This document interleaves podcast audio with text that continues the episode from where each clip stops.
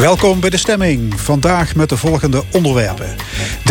13% van de Limburgse jongeren komt in aanraking met criminaliteit. Wat is het plan van aanpak? Ruslanddeskundige Peter van Nune over 60 dagen oorlog in Oekraïne. En onze analist duurzaamheid Joop de Kraker over waterstof als alternatief voor fossiele brandstoffen. En het is vandaag de dag van de arbeid. Daarom in het tweede uur een ronde tafelgesprek met Limburgse kopstukken van GroenLinks, PvdA en SP. Moet links de krachten bundelen? Een column van Jos van Wersch en het panel discussieert over Koningsdag en andere actuele zaken. Tot één uur is dit de stemming.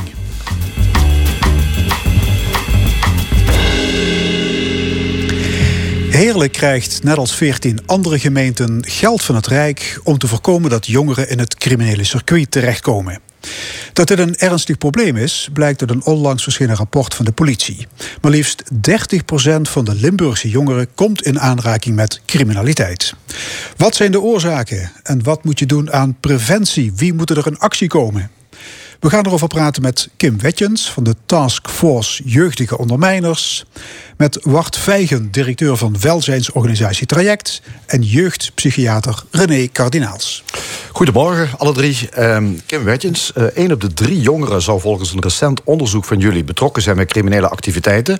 Uh, mag je dus zeggen dat één op de drie jongeren in Limburg crimineel is?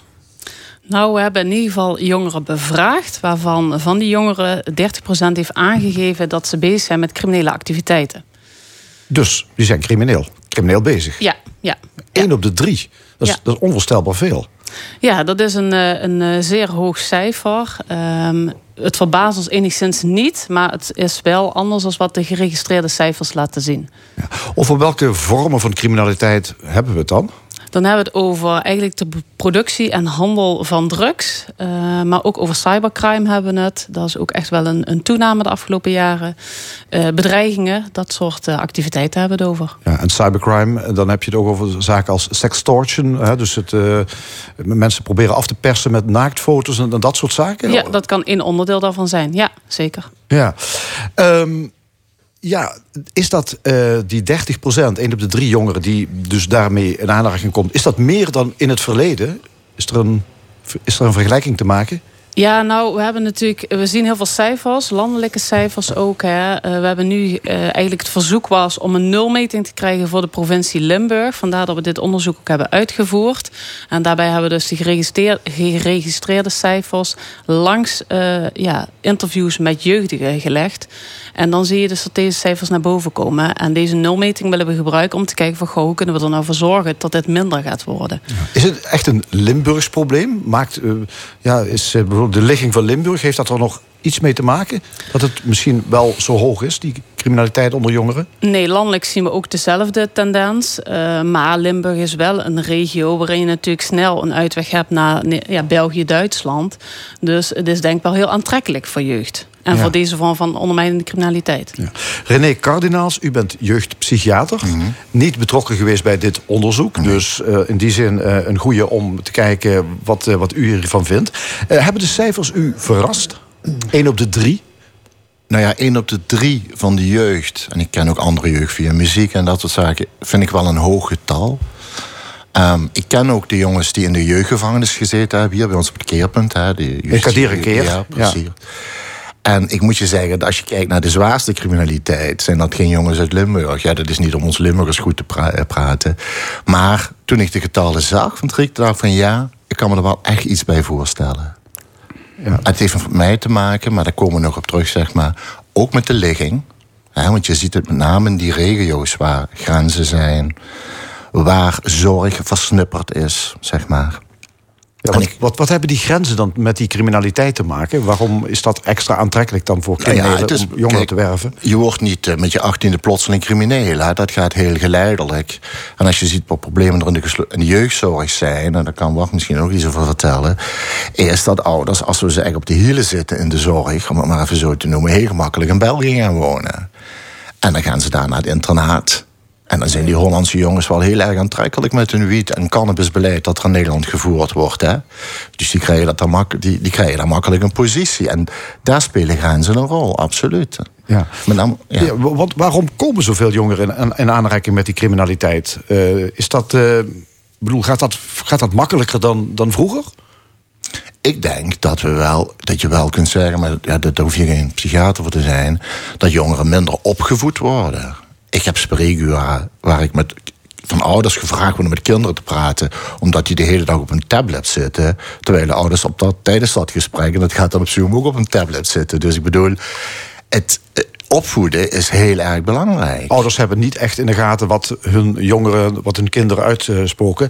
Uh, Wart Vijgen eh, van Welzijnstichting Traject. Hè, jullie werken met jongerenwerkers. Jullie gaan dus echt de buurt in. Uh, herkent u dit beeld? Ja, ik herken het beeld wel. Uh, uh, we zien natuurlijk dat de tijd ook uh, voor, bij jongeren veranderingen meebrengen. Dat is minder ouderlijk toezicht. De jongeren zitten meer op internet en op sociale media. Nou, dat kan heel snel hè, en ongezien op de telefoon. Dus in die zin herkennen we dat beeld wel. Ja. Dus, dus, veel criminaliteit verplaatst zich ook van de straat naar, naar online. Jullie zoeken en zochten jongeren op, hè, op straat. Dus het wordt voor jullie ook moeilijker om zal maar zeggen, om ze op tijd misschien bij de lurven te pakken als ze de fout ingaan. Omdat ze dat misschien gewoon thuis op een zolderkamer doen. Ja, dat ook. Maar we proberen natuurlijk wel zo vroegtijdig mogelijk eh, eh, eh, bij ouders en kinderen aan te kloppen. En vooral omdat we al wat langjariger in de Maastrichtse buurten en wijken zitten, kennen we ook natuurlijk wel de gezinnen waar het moeilijk gaat. Hè? En het is vaak generatie op generatie dat ja, kinderen in een moeilijke, moeilijke situatie zitten. Nou, dat, dat proberen we uiteraard te doorbreken. Wat dus- je ook ziet is armoede is ook wel een groot probleem. Het is een grote risicofactor. Ehm, nou ja, en eh, op het moment dat kinderen dan eigenlijk heel snel geld kunnen verdienen... soms 50, 60 euro per dag, eh, soms 1000 euro per week... ja, dan is dat heel erg aantrekkelijk voor de jeugd. dus wat wij proberen is heel vroegtijdig uh, met ouders uh, en kinderen in contact te komen. We doen dat bijvoorbeeld in een speelpan die we hebben. Daar worden ouders en kinderen uitgenodigd om, om te spelen. Uh, dat heeft als, uh, als vlekwerking dat ouders ook onderling met elkaar in gesprek gaan. Hè. Dat is iets wat je de, de, laatste tijd steeds minder ziet. Ouders zijn alleen, zeker in corona, in de coronatijd. Dus gewoon het gesprek over kinderen en opvoeding aan te meren, dat is al dat is al een heel goed begin. Daarnaast gaan de kinderen spelen, ouders en kinderen gaan samen spelen. En we zorgen er tevens voor dat op het moment dat kinderen niet, of ouders, zo moet ik het zeggen, niet in staat zijn om speelgoed uh, aan te schaffen, dat we dan via een speelgoedbank dat ook kunnen verstrekken. Dus dat kinderen ook ten opzichte van leeftijdsgenootjes niet het gevoel hebben dat ze in een achterstand zitten hè, en dat ze niet mee kunnen doen. Ja, Kim Wetjes van het eh, Regionaal Informatie- en Expertisecentrum. Daar werkt u voor en dat is ook het, eh, de, de instelling die dit onderzoek heeft gedaan. Uh, er is nog iets wat opvalt. Heel veel jongeren blijken tegenwoordig met een wapen rond te lopen. In 2018 werd er geturfd. 141 wapens werden toen ontdekt bij jeugdigen in Limburg. vorig jaar of twee jaar geleden waren dat er meer dan 2000. Ja, dat klopt. Ja, een schrikbarende toename natuurlijk. Uh, wat we daarin zien is dat jongeren het echt nodig hebben om een gevoel van veiligheid te creëren. En uh, ja, dat baart ons enorme zorgen. Ja, wat voor wapens hebben ze bij zich? Ja, mesjes, uh, een schaar. Het kan van alles zijn. Ja. ja. René Cardinals, ik hoor dat jongeren dus een gevoel van onveiligheid hebben... en daarom een wapen besluiten te gaan dragen. Ja, er is heel veel te doen over de gesloten jeugdzorg. Maar eigenlijk, ik denk dat 10 tot 20% van de jongeren die bij ons zitten, zich bij ons pas echt veilig voelen. We hebben nooit de hekken weggehaald bij het keerpunt. Maar er waren jongens die, en ook meisjes, en dan denken we de Loverboy-problematiek, die trouwens per week 3000 euro verdienen, hè, die meiden. En dan leren wij ze kapsel te worden voor 1200 euro per maand. Dus ik bedoel, we hebben ja. nogal wat te doen ja, serieus met die armoede. Ja. Hè? Maar ik bedoel, zeker zo. En het zijn vooral de steekwapens wat je ziet, wat ook door bepaalde culturen ingevoerd worden. Hè? Dat is dat met die drill rap eh, te maken? Ook, ja. De, de, de muziek, de, de, de, de rapcultuur. Maar ook bepaalde etnische achtergronden waar het dragen van een wapen eh, niet zo heel erg eh, ongebruikelijk is dat speelt allemaal mee in, het, in het, de toename. En vooral die onveiligheid voelen. En ook wel een beetje het mannetje willen zijn. Hè? Ja. en onveiligheid voelen betekent... Uh, dan ga ik maar een wapen dragen, want uh, nou ja, dan kan ik mezelf verdedigen. Dat, ja, ja, dat is verdedigen, ja. ja zeker. Ja. ja. en ook een stukje genormaliseerd. Het wordt allemaal, drugsgebruik wordt genormaliseerd. Het gebruik van een wapen wordt genormaliseerd onder de jongeren. Hè? Ja, zelfs een fiets meenemen wordt eigenlijk niet meer ervaren als dat het, dat het niet meer kan. Nee. Hè? Dus uh, ja. ja. Ja, hebben we uh, de afgelopen tijd misschien uh, te veel ingezet op streng straffen en te weinig op preventie? Want dat is natuurlijk wel de cultuur hè, van de afgelopen tien jaar eh, dat we strenger willen straffen in Nederland. Is dat misschien, heeft dat misschien juist averechts gewerkt? Nou, wat mij betreft, als strenge straffer dan zeg maar... hè, van, Cardinals. van de jeugdgevangenis Ja. weten we dat streng straffen niet werken. Dat werkt niet. Maar we moeten wel kinderen opvoeden. We moeten de kinderen die zeg maar moeten leren dat ze met die fiets afblijven... op een andere leeftijd leren dan dat ze eenmaal in de jeugdgevangenis zitten. Want als je ze daar dat gaat leren, dan ben je, dan van een andere cultuur. Dan ben je van een andere planeet, zeg maar. Duidelijkheid is in opvoeding heel erg belangrijk, maar heel vroeg. We moeten accent op scholen gaan leggen. We laten dan bij Via Jeugd ook jeugdartsen meedraaien. Ja, vroeger kwam bijvoorbeeld ook de, de agent, de wijkagent, die kwam op school. Je begrijpt, dat is ook allemaal minder geworden, hè, Ja. ook bezuinigd. Is dat, bedoel, wa- waren dat dingen die hielpen? Zo- Zo'n agent in uniform die op school kwam uitleggen dat je geen fietsen mag jatten. Ja, iedereen weet het, maar ja. Nou, ik, ik denk wel. Hè. Ik, ik denk inderdaad dat strenge straffen dat dat eh, niet, eh, eh, niet de oplossing is, maar wel begrenzen. Hè, en elkaar aanspreken. Hè, en eh, de normen en waarden eh, met elkaar delen. Hè, zo doen we dat hier op school. Zo doen we dat bij ons in de buurt. Ik denk dat dat wel helpt. En er hoort ook een zekere begrenzing bij. Op een gegeven moment zijn er dingen die wel kunnen en dingen die niet kunnen. En eh, ja, dat hoort, eh, dat hoort ook in de opvoeding thuis. Ja. Ik hoorde al, armoede kan een eh, oorzaak zijn dat eh, jongeren in de criminaliteit terechtkomen. Is er in zijn algemeenheid iets te zeggen over welk soort jongeren vatbaar zijn voor criminele activiteiten? Ja, je ziet vaak de, de, de, toch de jongeren die in een, een moeilijke positie zitten. De minder begaafde jongeren. Hè, die zijn eh, kwetsbare jongeren met gedragsproblemen. Hè, zo zie je dat eh, die jongeren die zijn, eh, ja, die zijn vatbaar voor, eh, voor criminaliteit. En die worden nu in de instellingen ook geronseld door de georganiseerde criminaliteit. Die krijgen 2000 euro op een dag om drugs te verkopen. En je snapt het al, dan maken ze schulden, want die leveren, die, dat geld leveren ze nooit op. Ik heb er nou eentje zitten, die is teruggestuurd uit Antwerpen, waar dan zeg maar, of waar de, de bendes dan zitten, zeg maar, omdat hij te dom is. Met een 20 euro voor de treinticket te kunnen betalen. Zo ver zijn we hier dus. Hè? Ja. Weet je wat van ellende dat is voor die families thuis? Criminaliteit is veel meer dan die ene foute jongen die, of meisje. Hè? Het zijn meer jongens dan meisjes, maar het is veel meer. Het zijn families die uit elkaar vallen. Het zijn ook families die uit elkaar gevallen zijn. En de voedembodem zijn, zijn voor weer meer in de criminaliteit. Dus we moeten het echt bij de wortel aanpakken. Ja. Vroeger ging het dan over een debattenrolf in het Limburgs, maar dit, dit gaat veel verder. Dus het is echt georganiseerde criminali- criminele criminaliteit die gebruik maakt, die op zoek gaat naar. Nou, Ja, naar ja, jeugdige ja, dingen. aan, aan de leeftijd van groep 7, 8 kan het al bij beginnen. 7, 8, dan Eh, heb je het over 10, 11 jaar. Ja, ja. Ja. Ja.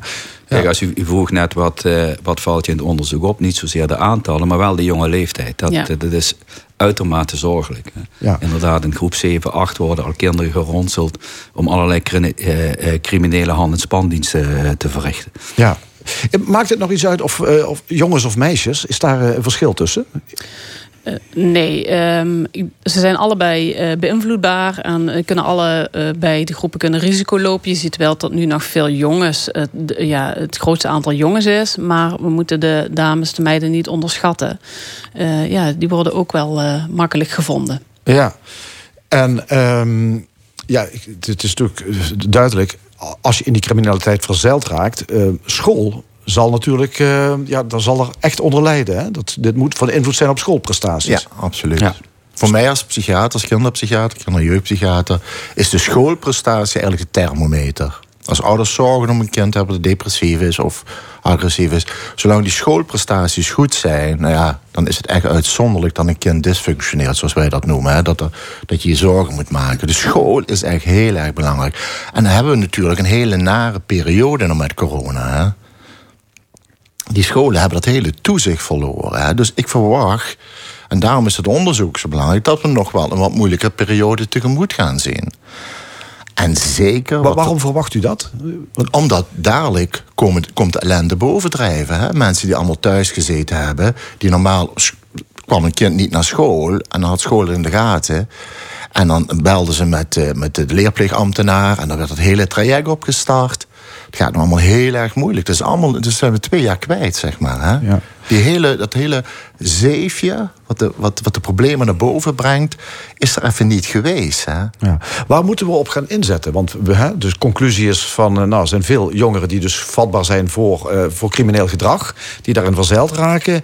Uh, ja, ik hoor school, ik hoor ouders. Uh, ja, hoe, hoe moeten we dit aanpakken? Ja, we hebben vanuit het onderzoek natuurlijk in het rapport ook aanbevelingen geschreven. Hè, aanbevelingen geschreven voor eigenlijk drie gebieden: hè, preventie, repressie en perspectief. Want het ontbreekt vaak ook een perspectief voor deze jongeren om een andere kant te kiezen. Um, maar ja, beginnen met preventie. Hè. Zo van, goh, um, laten we het signaleren. Want het wordt vaak ook niet gezien. En als we daar eens op gaan letten, als je het gaat zien... dan zie je ook hoe groot het probleem ja, daadwerkelijk en, is. En je ziet het natuurlijk op school. Uh, ja. Je ziet het in de wijk. Ja. Daar moet je toch echt zoeken, heel dicht bij de jongeren. Dus er bovenop zitten. En ik denk dat je moet zoeken in de samenwerking. Je ziet dat steeds meer ontstaan. scholen, welzijnswerk, uh, um, hulpverleningsinstanties, woningbouwverenigingen. Uh, ja, samen uh, de hand aan de ploeg. om dit soort problemen aan te pakken. Ja, want er ook rolmodellen nodig. Want je ziet het wel als dat bijvoorbeeld iemand wordt ingezet... die ja, misschien iets voorstelt bij de jongeren... die, dat die hun kan aanspreken. Ja, zeker. Rolmodellen, zeker. dat is op zich ook, ook, ook goed. Uh, ervaringsdeskundigen uh, moet je soms mee opletten. Dat kan ook averechts werken. Maar uh, op het moment dat je iemand hebt waarvan je zegt... nou, dat is voor mij echt een, een, een, een waardevol iemand. dat is iemand die ik uitermate waardeer. Dat kan een, een, een leerkracht zijn. dat kan iemand uit de buurt zijn. Dat kan een jongerenwerker zijn. Nou ja, dat, die goede voorbeelden die zijn natuurlijk wel van belang. Ja, volop uh, werk te doen dus om te voorkomen dat dit, uh, ja, dat dit blijft voortduren of misschien nog wel erger wordt. Dank jullie wel. Kim Wetjens van het Regionaal Informatie- en Expertisecentrum, René Cardinels, uh, jeugdpsychiater en Bart Vijgen van de Welzijnstichting Traject. Zometeen in de stemming Rusland, deskundige Peter van Nuenen. Hoe kijkt hij naar het verloop van de oorlog in Oekraïne? Ligt verdere escalatie op de loer? Eerst Johnny Cash.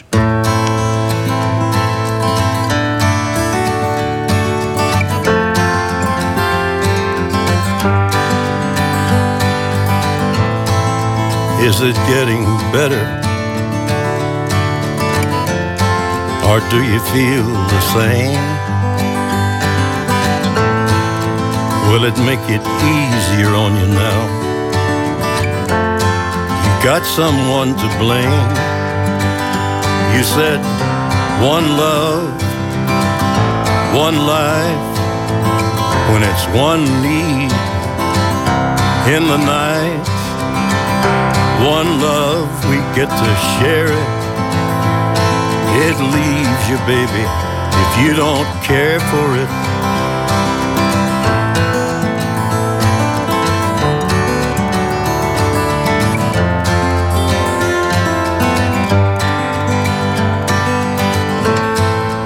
Did I disappoint you?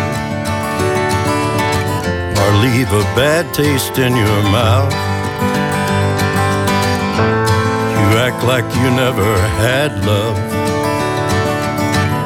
And you want me to go without. Well, it's too late tonight to drag the past out into the light. We're one, but we're not the same.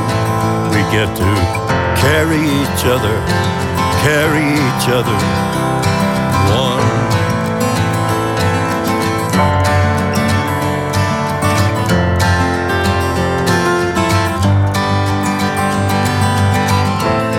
Have you come here for forgiveness? Have you come to raise the dead? Have you come here to play Jesus? To the lepers in your head? Did I ask too much? More than a lot? You gave me nothing now. It's all I got. We're one, but we're not the same. Well, we hurt each other, and we're doing it again. You say love is a temple, love a higher law. Love is a temple, love the higher law. You ask me to enter, but then you make me crawl, and I can't be holding on to what you've got. When all you've got is hurt, one love, one blood, one life. You've got to do what you should. One life with each other, sisters, brothers. One life, but we're not the same. Get to carry each other, carry each other. One.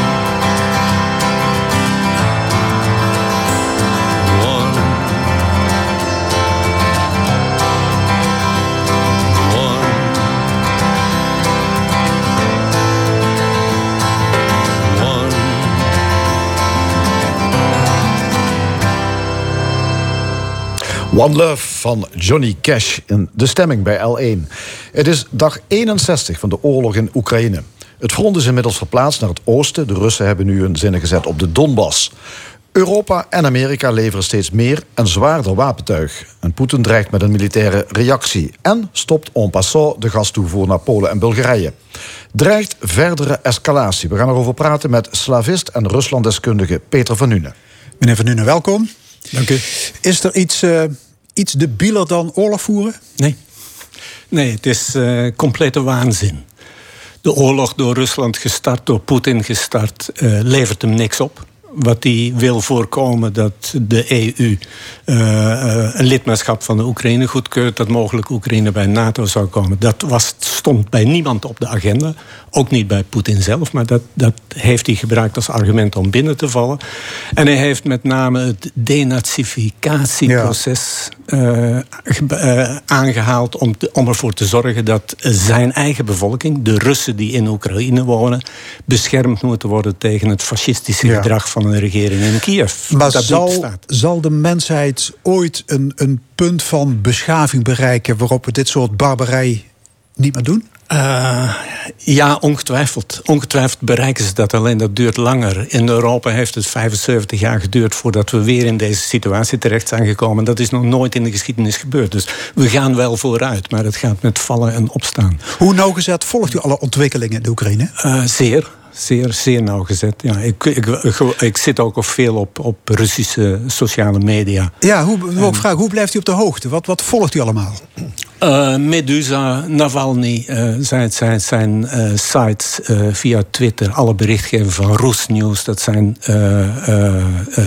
sociale platformen die in Litouwen of in Polen of in Hongarije zitten. En van daaruit hun informatie toch door kunnen spelen. Heb rechtstreeks informatie van de Russische en de Oekraïnse autoriteiten. Die, dat is pure propaganda. dat, dat is van geen nou waarde ja, voor dat, u? Dat neem ik ook tot mij, maar dat moet, ik wel, dat, dat moet je wel kunnen wegen. Ja. En, over het algemeen is dat wat Rusland zegt gelogen.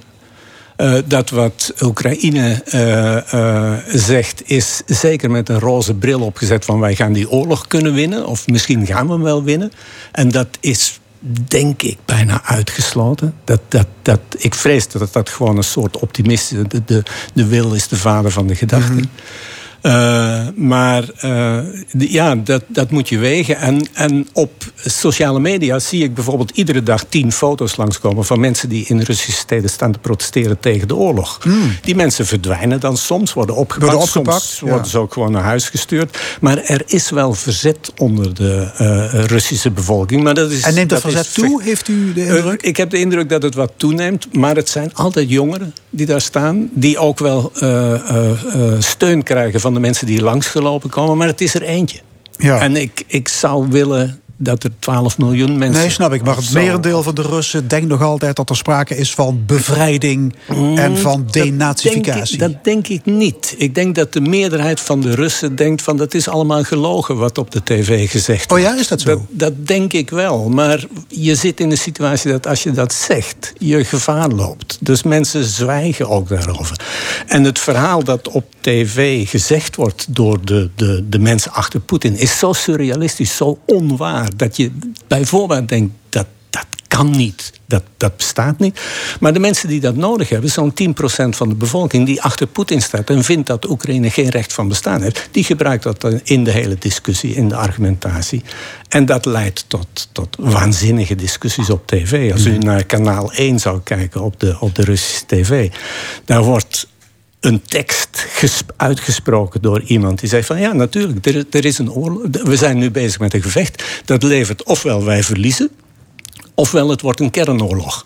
En omdat ik Poetin persoonlijk ken, zegt een van de grote dames van, van de tv, omdat ik Poetin persoonlijk ken, die kan niet verliezen, dus het wordt een kernoorlog. Maar dus op nu, op dit moment wordt er op tv gesproken over er komt de kernoorlog. Hmm. Jongens, bereid je erop voor, er komt de kernoorlog. Ja. Daar zijn wij niet schuld, want wij zijn bezig met onze grenzen te beschermen. Want we worden aangevallen door de NATO. de Russen voelen zich slachtoffer. In ieder geval die mensen die dat vertellen op tv. Maar de meerderheid van de Russen, daar ben ik nog even van overtuigd... die weten dat dit valse propaganda is. Oké, de, Russen hebben zich teruggetrokken uit de regio Kiev. Is dat uh, dankzij de onverzettelijkheid van het Oekraïnse leger? Ongetwijfeld. Ongetwijfeld. Dat, dat is, en niet alleen van het Russische leger, maar ook van de Russische bevolking. Die zeggen van, jullie zijn bezetters, ga weg, verdwijn hier uit ons land. En die worden dan door het Russische leger uh, afgeschoten geëxecuteerd op straat. Handen gebonden, gemarteld. Ik weet niet wat er, wat er precies van waar is. Mhm. Is lastig te achterhalen. En het nieuwe doel is dus de, de verovering van de Donbass. Daar wordt moment zwaar gevochten. Gaat het de Russen daar beter af? Uh, nog even niet, maar dat zal wel gaan komen. Het duurde even voordat ze zich hergegroepeerd gegroepeerd hebben aan die Donbass. Of dat dat opzet was of onkunde, dat zullen we niet weten. Maar het heeft een week geduurd voordat ze echt aan de gang gingen. Uh, Dvornikov, de, de bommentapijtgeneraal uit Syrië... die bekend werd door Aleppo, die werd ingeroepen... van jij moet daarvoor zorgen. Die legt alleen maar bom, bommentapijten in de regio. Die is inmiddels vervangen door Gerasimov, een andere... de oppergeneraal van het Russische leger... Uh, dus die deed het ook niet goed. Uh, of ze tekort aan verstandige bommen hebben, heel zeker. Of ze tekort aan, aan meerdere bommen. Hmm. Dus de munitie dus het loopt niet van een, van, van een leien dakje, laat ik het zo zeggen. Nee, en, en, en, Amerika en de Europese Unie die leveren steeds zwaarder wapentuig. Hè? Ja. Uh, ja. Howitzers en lange afstandskanonnen. Ook de Duitsers zijn door de bocht. Heeft het u zegen? die militaire steun aan Oekraïne? Uh, dat is een gewetensvraag. Uh, ja, ik vind dat je Oekraïne niet kunt laten vallen. Maar betekent wel dat de bloedige strijd blijft voortduren. Maar nu het eenmaal zover is, stel je voor dat je vijf dagen na het begin van de oorlog had gezegd: wij leveren geen wapens, uh, we geven de Oekraïne aan, aan Rusland, uh, we leveren Zelensky uit aan Moskou. Dan had dat 40, 50.000 doden gescheeld, want die zijn er inmiddels wel gevallen aan beide kanten. Uh, alleen dan had Oekraïne geen vrijheid. Uh, dat, dat is buitengewoon pijnlijk als dat de oplossing zou zijn. Maar dan had je geen verwoest Mariupol. Mariupol zou nog bestaan. Uh, is dat een voordeel? Over tien jaar is Poetin weg. Wie weet komt er een andere uh, man aan een ander beleid in Moskou. Weet ik niet.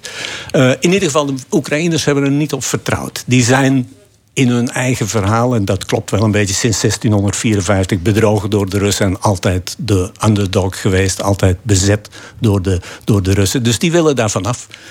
En dus mijn zegen heeft het, heeft het eigenlijk niet omdat ik denk ze kunnen niet winnen. Oekraïne kan deze oorlog niet winnen. En dat, is, dat denk ik. Uh, dat baseer ik ook op een verhaal van Karaganov, die dat drie weken geleden in de Russische pers heeft uh, geventileerd. Hij zei, Rusland kan niet verliezen. Poetin kan niet thuiskomen, en dan heeft hij het over 9 mei, aanstaande zondag of maandag, kan niet thuiskomen met het verhaal, we hebben het niet gehaald. Hij moet een overwinning claimen op 9 mei tijdens de ja, 9 mei is een feestdag, er wordt een grote parade gehouden ter herdenking van, de overwinning op de nazi's. Hè? Ja, en, en het verhaal is ook, we hebben toen tegen het bruine gevaar gevochten en we, we, vechten nu tegen het oranje gevaar. Want de oranje revolutie, de Maidan-revolutie, is het oranje gevaar. Dat zijn de nieuwe fascisten, de nieuwe nazi's, die zijn we aan het verslaan. Dat verhaal komt hij vertellen, 9 mei. Dus hij moet iets hebben. Misschien het minste wat hij kan krijgen is de Donbass. En dat lukt hem op dit moment nog niet. helemaal. Toch ongelooflijk, hè? Zo'n groot land, zo'n groot leger, zoveel manschappen, zoveel materieel. Ja, alleen de Oekraïners zijn zeer gemotiveerd. En de Russische soldaten dachten dat ze op oefening waren in Wit-Rusland. En ineens, een dag voordat ze begonnen met die oorlog, deden ze een envelop open en er stond daarin dat ze naar Kiev moesten rijden. Maar dat wilde niemand. Dus die, die kolonnes die daar 60 kilometer in, in uh, afwachting stonden om door te rijden, die reden niet door om allerlei redenen, maar onder andere om de reden dat er moreel buitengewoon laag was onder die soldaten. Die wilden dat ook niet. Van nu nog een ander punt. De gaskraan naar Polen en Bulgarije is uh, dichtgedraaid. Denkt u dat andere Europese landen straks ook kunnen fluiten naar Russisch gas? Mm, dat zou kunnen. Eh, eh, we zijn beide van elkaar afhankelijk. Wij zijn afhankelijk van het Russisch gas. Rusland is sterk afhankelijk van de westerse dollars die ze daarvoor krijgen. Dus uh, ik. Want ze hebben dat geld nodig om de oorlogskas te spekken? ja, die oorlogskas zal nog wel even doorgaan, maar ook om hun economie draaiende te houden. Er is verder niks in Rusland. Rusland doet niks. Is Rusland, Rusland aan het verarmen door die oorlog? Maar natuurlijk. En dat merken ook de gewone Russen? Dat merken de gewone Russen aan de inflatie die ergens rond de 20 procent eh, ligt. Maar die ook. Uh, Rusland wordt de komende generatie, maar misschien wel twee generaties, buitengewoon arm. Iedereen die verstandig is, jong en goed opgeleid, verdwijnt uit Rusland nu. Er zijn een miljoen mensen tussen de 20 en de 35 vertrokken uit Rusland. die allemaal handig, eh, vreemde talen spreken, handig zijn in de ITC-sector. die Rusland nodig hebben, die wij ook nodig hebben. Dus het is misschien wel een soort redding voor Europa. Wij komen veel arbeidskrachten tekort, met name ook goed opgeleide arbeidskrachten komen wij tekort. Maar voor Rusland is het desastreus. Wie wil er nog in Rusland blijven wonen als dat land de komende tien jaar moet opdraaien voor de komende twintig jaar moet opdraaien voor de kosten van deze oorlog. Alles wat ze verdienen gaat naar het herstellen van, van bijvoorbeeld de Donbass. Je hebt de hmm. Donbass veroverd, maar je hebt het plat gebombardeerd. Wat moet je daarmee? Dus dat president Poetin heeft zich enorm in de nesten gewerkt. Hij heeft zich eh, buitengewoon zacht verrekend. Ja. Hij dacht dat hij het makkelijk kon winnen. En hij dacht, en dat is het gekke, dat is onverklaarbaar. Waarom heeft hij gedacht dat de mensen daar op zijn hulp zaten te wachten? Waarom dacht hij werkelijk, denk ik, dat ze dachten... die Russische tanks worden met mensen met vlaggetjes uh, verwerkt? Zou die dat echt hebben gedacht? Nou, er is geen enkele andere reden, geen, geen, geen, geen redenering die, doet, die verklaart waarom hij deze actie heeft ondernomen. Behalve als hij gek is en waanzinnige ja, kunnen... Maar die man heeft toch ook een staf en een, en een veiligheidsraad? Nou ja, en, op tv gezien hoe die staf eruit ziet. Die staat te bibberen. Dus ook, maar dat is ook gek, dat er van 30 machthebbers in het Kremlin niet één iemand zegt van jongens, moeten we niet nog even nadenken. En een koe in het Kremlin is ook niet te verwachten? Uh, nee, want dat komt dan uit die 30. En, en ik, ik, vrees, ik vrees van niet. Nee, nee. Het is uh, ook hommeles in Transnistrië. Dat is een deel van Moldavië, gelegen tussen Roemenië en Oekraïne, pro-Russisch. Ja. Er zijn bomaanslagen gepleegd en niemand weet door wie. Heeft, heeft, u, heeft u een idee? Nee, maar het, er wordt wel gesuggereerd dat de false flag uh, acties Ja, leg er eens dus uit, false flag. Rusland uh, gooit een bom op een tv-toren... die Russische uitzendingen verzorgt in Transnistrië. Transnistrië is een minuscuul klein randje van Moldavië... dat aan de oostelijke kant van een rivier, de Nistro, ligt, mhm. waar Russen wonen. En waar Russen in 1990 al een soort burgeroorlog hebben geantameerd. Uh, en een onafhankelijkheid hebben uitgeroepen van een, dat hele kleine stukje. Een half miljoen inwoners hebben ze. Uh, de, de grootste witwasstaat van Europa. Er wordt daar per dag meer wit gewassen aan illegaal geld dan de EU op Transnistrië, de, de grootste witwasstaat van, van Europa. Echt? Ja, dat is een ongelooflijk corrupt land. Uh, maar Rusland heeft daar 2000 man troepen liggen. Want die beschermen hun eigen bevolking. Daar wonen een paar Russen. En dat is natuurlijk, als je de kaart... Nou ja, het Kremlin beweert dat de Russisch-talige bevolking van Transnistrië wordt onderdrukt. Ja, maar nou ja, en als die, dat, soort taal wordt gebezigd, dan weet je hoe laat het is, hè? Ja, dat is.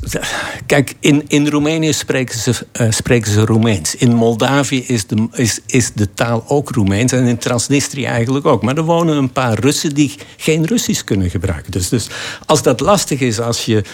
Op, op school is het onderwijs misschien niet in het Russisch. Dan word je gediscrimineerd. In het Kremlin heet zoiets genocide. Maar dat is natuurlijk ver gezocht. Dat, zo ver gaat het niet. Dat, hetzelfde verhaal hebben ze over de Donbass verteld. Dat dat de reden is waarom ze moesten binnenvallen. Ze hebben waanzinnige verhalen verteld. Niet alleen dat, dat Russische kookboeken verboden worden... maar ook dat Russisch-orthodoxe kinderen gekruisigd worden... door de fascisten uit Kiev.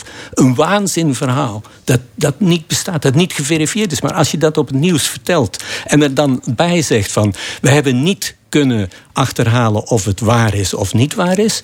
Daarmee heb je de onzekerheid al gezaaid. En mhm. mensen die dat willen geloven, zijn op dat moment buitengewoon anti-Oekraïne. Ja, denkt u nu dat die bomaanslagen gepleegd zijn door Rusland om de andere kant van voorwendsel om... Ik weet dat niet, maar daar ziet het naar uit. Dat dat een voorwendsel is voor Rusland. Oh, we moeten dan binnenvallen. En dan krijg je dat ze de Donbass veroveren, het dan hebben ze de hele Zuidstrook, Zuidstrook hebben ze in handen. Dus strategisch is dat heel belangrijk. Ja, is heel belangrijk. En dan blijft er van Oekraïne alleen... Het zuiden is dan weg. Ze hebben geen toegang tot de Zwarte Zee. Dan blijft er een stuk...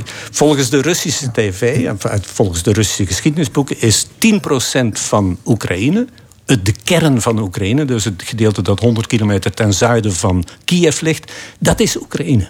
Dat is in 1654 Oekraïne geweest. En de rest daaromheen, 90% van het land, hebben ze gekregen van Rusland. Voor 1917 van de Tsaren, in 1920 van Lenin, in 1945 van Stalin en in 1954 nog het Krim-eiland van, uh, van Khrushchev. Dat allemaal wil Poetin terug hebben. Dat is van mij. Tot slot, wat moet er gebeuren? Opnieuw onderhandelen? Moet de NAVO er alsnog ingrijpen? Moet, moeten economische sancties moeten die worden opgeschroefd? Dat zal allemaal gebeuren. En uiteindelijk... Maar wat er... Uit, ik denk dat, dat Poetin deze oorlog wel wint. Ook al is het niet de, winning, de overwinning die hij wilde, maar dat er een soort, soort modus ontstaat dat de Donbass helemaal bij Rusland, een soort Zuid-Ossetië, Abhazie wordt. En dat er dan een, een frozen conflict ontstaat. Dus een conflict dat niet opgelost wordt, mhm. maar dan moet je weer met iemand aan tafel gaan zitten. En met wie moet je aan tafel gaan zitten? Met Poetin. Want er is geen andere. Dus het is niet verstandig om Poetin een massamoordenaar te noemen, een oorlogs crimineel, dat oorlogsmisdadiger, dat is wel zo, maar je moet hem zo niet noemen. Zeker niet wanneer, wanneer je met hem aan tafel moet.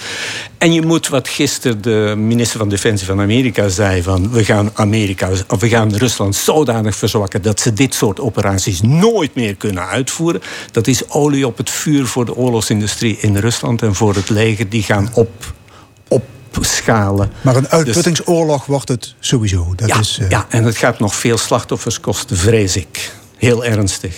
Peter van Nuenen, hartelijk dank. Graag gedaan. En dit is L1 met de stemming. Zometeen legt analist duurzaamheid op de kraker uit wat we kunnen verwachten van waterstof. Een nieuwe energiebron die aardgas zou kunnen vervangen. Maar eerst de Genie Genie. Hier is David Bowie.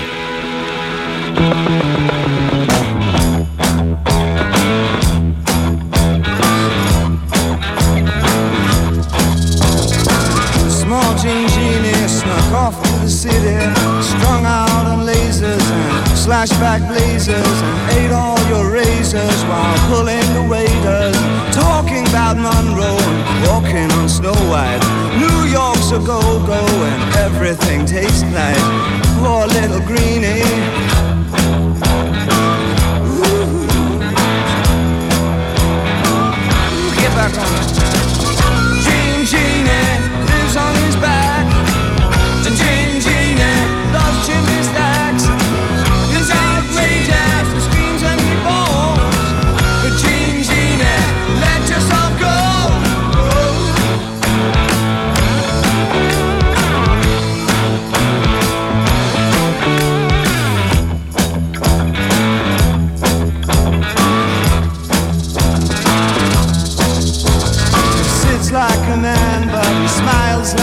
She love him, she love him, but just for a short while. She'll scratch in the sand, let go his hand. He says he's a beautician, sells you nutrition. keeps all your dead hair for making up underwear. Poor little greenie.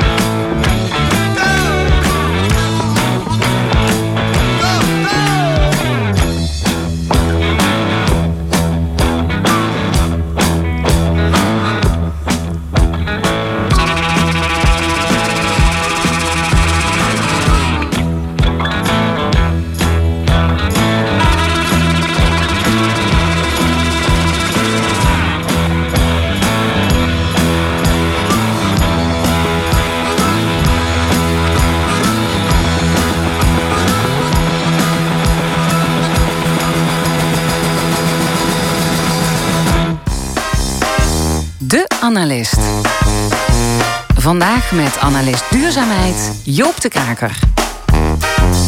Goedemorgen Joop. Goedemorgen. In eh, april vorige maand werd in Horst het eerste waterstoftankstation in Limburg geopend. En ehm, de VVD en D66 die hebben een oproep gedaan aan het kabinet om ja, de ambities voor waterstof te verdubbelen. Dus daar wordt eh, flink eh, op ingezet als dat eh, zou uitkomen. Eh, kun je ja, concluderen dat waterstof dan ook echt gaat doorbreken? Is dit het momentum? Nou, eigenlijk eh, staat eh, waterstof al heel lang op het eh, punt van doorbreken, al, al decennia. En ik denk dat dat nog wel even zo blijft. De belangstelling voor waterstof die gaat in golven. Soms hoor je er heel veel over en dan hoor je een tijd weer helemaal niks over waterstof. Op dit moment is er weer veel belangstelling, ook vanuit de politiek. Heeft natuurlijk te maken met klimaat, maar ook de afhankelijkheid van, van Russisch aardgas. Eh, maar de meeste deskundigen die het hebben over een grote rol van waterstof, eh, die hebben het dan toch over de, de echt langere termijn, zeker 10 tot 20 jaar. Ja, en wa- wa- want waarom komt het er maar niet van dan? Nou, waterstof heeft heel veel voordelen, maar ook heel veel nadelen. Oké, zullen we eerst de nadelen Ja. doen dan? Ja, Ja? eerst eh, de nadelen. Eh, nou, Oh, sorry, nou, je mag met de voordelen mag ik beginnen. ook met de voordelen beginnen? wat je wil. Dat, eh, even Oké, de posi- voordelen. positief insteken. beginnen. De voordelen. Eh, allereerst is waterstof een hele eh, schone brandstof. Eh, want als je het verbrandt, dan komt er water uit. Dus geen broeikasgassen, geen schadelijke stoffen. En je kunt het op een vrij simpele manier maken met water. door er elektriciteit doorheen te laten gaan. Dus je hoeft ook niet bang te zijn dat je te maken krijgt met tekort aan schaarse grondstoffen bijvoorbeeld. Het is niet alleen een, eh, een schone brandstof, maar in een aantal gevallen ook echt een, een beter alternatief dan bijvoorbeeld elektriciteit. Als je denkt aan eh, zwaar transport of eh, de hoogovens, of als het gaat om het verwarmen van monumentale gebouwen die je niet goed kunt isoleren, dan is waterstof het beste alternatief eigenlijk voor, voor aardgas. Een, eh, een ander voordeel van waterstof is dat je het makkelijk eh, kunt opslaan en vervoeren. Net zoals eh, aardgas. Je kunt het bestaande leidingennetwerk dat Ja. we nu hebben daarvoor Ja, gebruiken? Dus dat is natuurlijk een groot voordeel. We hebben een hele infrastructuur voor aardgas. En die zou je ook kunnen gebruiken voor, voor waterstof. En dan hoef je niet een heel nieuwe infrastructuur aan te leggen. Zoals nu bijvoorbeeld een, een hele verzwaring van het elektriciteitsnet nodig is. En eh, dat opslaan dat is ook eh, heel handig eh, als je het hebt over elektriciteit. Hè, er, is een, er is een verband. Misschien herinner je, vorig weekend was in het nieuws dat in Nederland in dat weekend op zaterdag en zondag meer zonne- en windenergie werd geproduceerd dan er vraag naar was. Nou, dat overschot aan groene stroom, dat zou je kunnen omzetten in waterstof. Dat kun je opslaan en op een later tijdstip dan gebruiken of op een andere plek. Ja, want nu is het gewoon weg. Als het, eh, Nu is het weg. maar hard genoeg waait Ja. en de zon schijnt heel erg. Allemaal overcapaciteit en die, daar kunnen we niks mee. Daar, daar gebeurt niks mee. Je krijgt zelfs eh, geld toe als je het eh, wil gebruiken. We kunnen dat ook opslaan in grote batterijen, maar waterstof is handiger. Ja, en, eh, en dat betekent, eh, ja, dus de handen, ha- ha- dat zou handig zijn. Dus die hele infrastructuur, dus eigenlijk, ja, dat klinkt dat best een goed verhaal. Ja, dat eh, klinkt ook als een goed verhaal. En ehm, er zijn ook mensen die denken van... nou, er is nou heel veel weerstand tegen zonne-energie en windenergie. Ja, want we willen allemaal vooral. die, die, molens niet. Nee, en, dus en- waterstof, dat gaat door die bestaande buizen. Nou, eh, probleem Ja, opgelost. ja, We hoeven ons eh, landschap niet vol te nee. bouwen met windmolens. We kunnen gewoon eh, de gaspijpen laten liggen en de waterstof door laten gaan. Dus dat zal vast op, op, op meer steun kunnen rekenen. Dus dat, dat wordt wel gezegd. Maar wat dan niet verteld wordt, is om die waterstof duurzaam te produceren, heb je groene stroom nodig. Dus de vraag naar eh, stroom uit wind en zon, die zal niet verminderen. Dus je hebt net zo goed die windmolens nodig en, en die zonneparken. En verder is het zo dat eh, best veel mensen wel een beetje bang zijn voor waterstof. Het idee is dat, dat, dat het heel explosief is, dat dat makkelijk ontploft. Eh, maar dat is niet zo. hè. Het is eigenlijk niet gevaarlijker dan aardgas of LPG. Dus ik denk dat die weerstand die zal ook wel verdwijnen als waterstof eh, algemener wordt. Ja, maar eh, in elk geval, windmolens, die blijven we ge- gewoon nodig hebben als wij op waterstof over willen. Ja, dat eh, maakt wat dat betreft helemaal niks uit. Ja, ja dus ehm, ja, maar toch, jij, jij somt een hele hoop voordelen op hè, van dat gebruik. Je zegt van het is eh, makkelijk eh, toepasbaar. We hebben die, die, hebben, we hebben die infrastructuur liggen. Eh, het is een, brandstof die, ja, die toepasbaar is. dus ehm, dan zou ik denken, ja, waarom gaan we er morgen niet mee beginnen?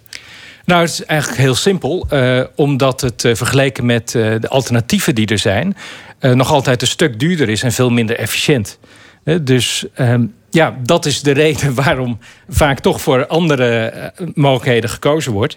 En verder... En minder efficiënt betekent dat eh, waterstof toch minder energie oplevert dan we misschien denken? Ja, je hebt eerst groene stroom nodig. eh, en die zet je om in waterstof.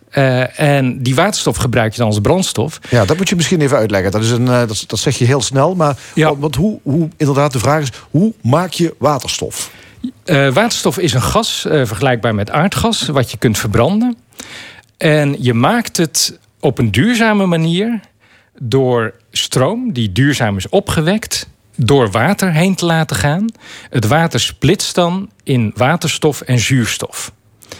Zuurstof is ja, gewoon zuurstof, dus dat is eh, geen enkel probleem, is niet schadelijk. En het waterstof kan opgevangen worden en kan als gas verbrand worden. Ja, dus dat betekent, je hebt op, op enige plek heb je toch eh, of heel veel zonnepanelen nodig, of je hebt windmolens nodig op, en, op een plek ergens om die waterstof, als je tenminste groene waterstof wil maken. Ja, en als je die elektriciteit direct kunt inzetten, dan is dat natuurlijk efficiënter dan wanneer je eerst eh, die elektriciteit gebruikt om waterstof te produceren en dan die waterstof weer gaat verbranden om ja, bepaalde eh, energie te leveren. Ja, dan heb je een tussenstap. Dus de waterstof is dan een tussenstop. En Ja. dat is, de vraag is waarom zou je het willen doen? Ja. Ja. Ja. ja.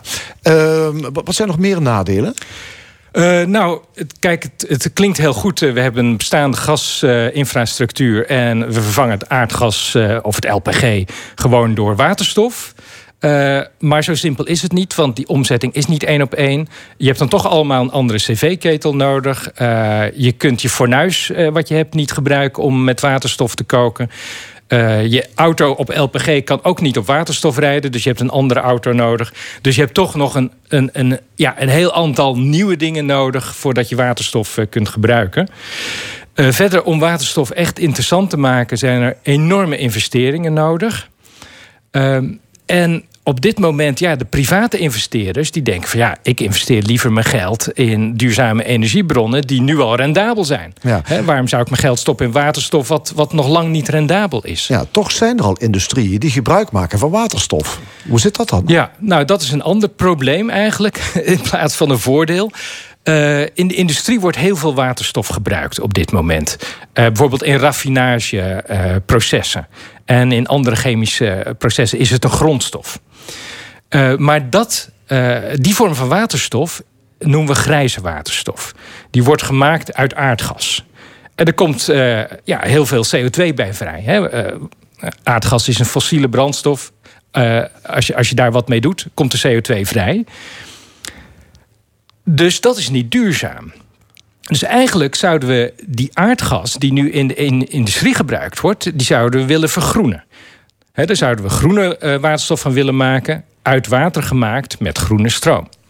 Nou, als je al die grijze waterstof, zoals dat heet, in de industrie zou willen vergroenen, dan heb je meer groene stroom nodig dan nu al onze windparken op de Noordzee leveren.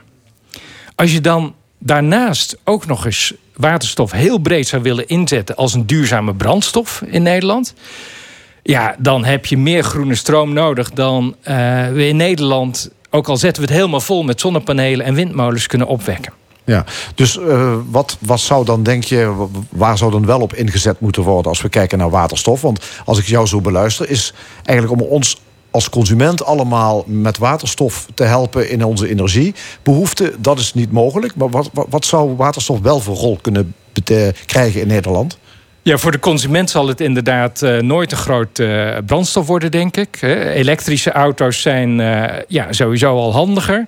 Daar ligt al een infrastructuur. Bovendien hebben die een hele grote voorsprong in de markt. Hetzelfde geldt voor ja, huizenverwarming met warmtepompen. Dus daar zal waterstof inderdaad naar verwachting geen grote rol gaan spelen. Ik zie twee mogelijkheden. Het eerste is de vervanging van die grijze waterstof in de industrie door groene waterstof. Maar ik denk dat dat voor een groot deel zal gebeuren door import van eh, groene waterstof uit, uit andere landen. En het tweede is dat het eh, wel degelijk een belangrijke rol kan gaan spelen in de energietransitie, maar dan als eh, ondersteunende eh, brandstof. Hè. Dus Ja. wat Ja. ik noemde, Is er- die is er overschotten. Ja, is er, is er hier in Limburg, is daar een speciale rol weggelegd voor waterstof, denk je? Nou, in Limburg juist niet, denk ik. Hè, Want eh, een belangrijke rol zou kunnen zijn om overschotten van groene stroom op te slaan. Nou, in Limburg hebben we juist heel veel moeite om groene stroom op te wekken. Daar hebben we heel weinig ruimte voor. Dus we zullen daar ook niet snel grote overschotten hebben. Wat wel een punt is, is dat de industrie hier heel veel grijze waterstof gebruikt. Maar ik zou zeggen van laten ze die vooral importeren. Bijvoorbeeld landen als Australië, die investeren heel veel in Ja. toekomstige productie. Eh, nou, laten ze daaruit importeren. Daar hebben ze genoeg geld voor. En wij moeten er vooral geen geld in stoppen. Ik zou er als provincie Limburg geen geld in stoppen. Oké, dankjewel Joop de Kraker. Straks in de stemming waarom zit links zo in de verdrukking en wordt het geen tijd om nauwe samenwerking te zoeken. Aan tafel Limburgse kopstukken van PvdA, GroenLinks en SP. Verder de column, het discussiepanel en nog veel meer. Blijf luisteren, tot zometeen.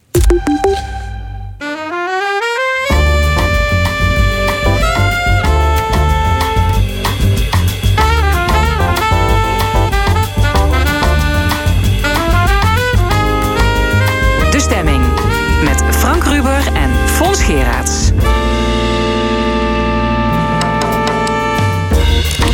Opnieuw welkom bij de stemming. Wat hebben we in de tweede en laatste uur voor u in petto? Over zo'n 25 minuten discussieert het discussiepanel over Koningsdag en onze vorst als moreel leider en andere actuele zaken.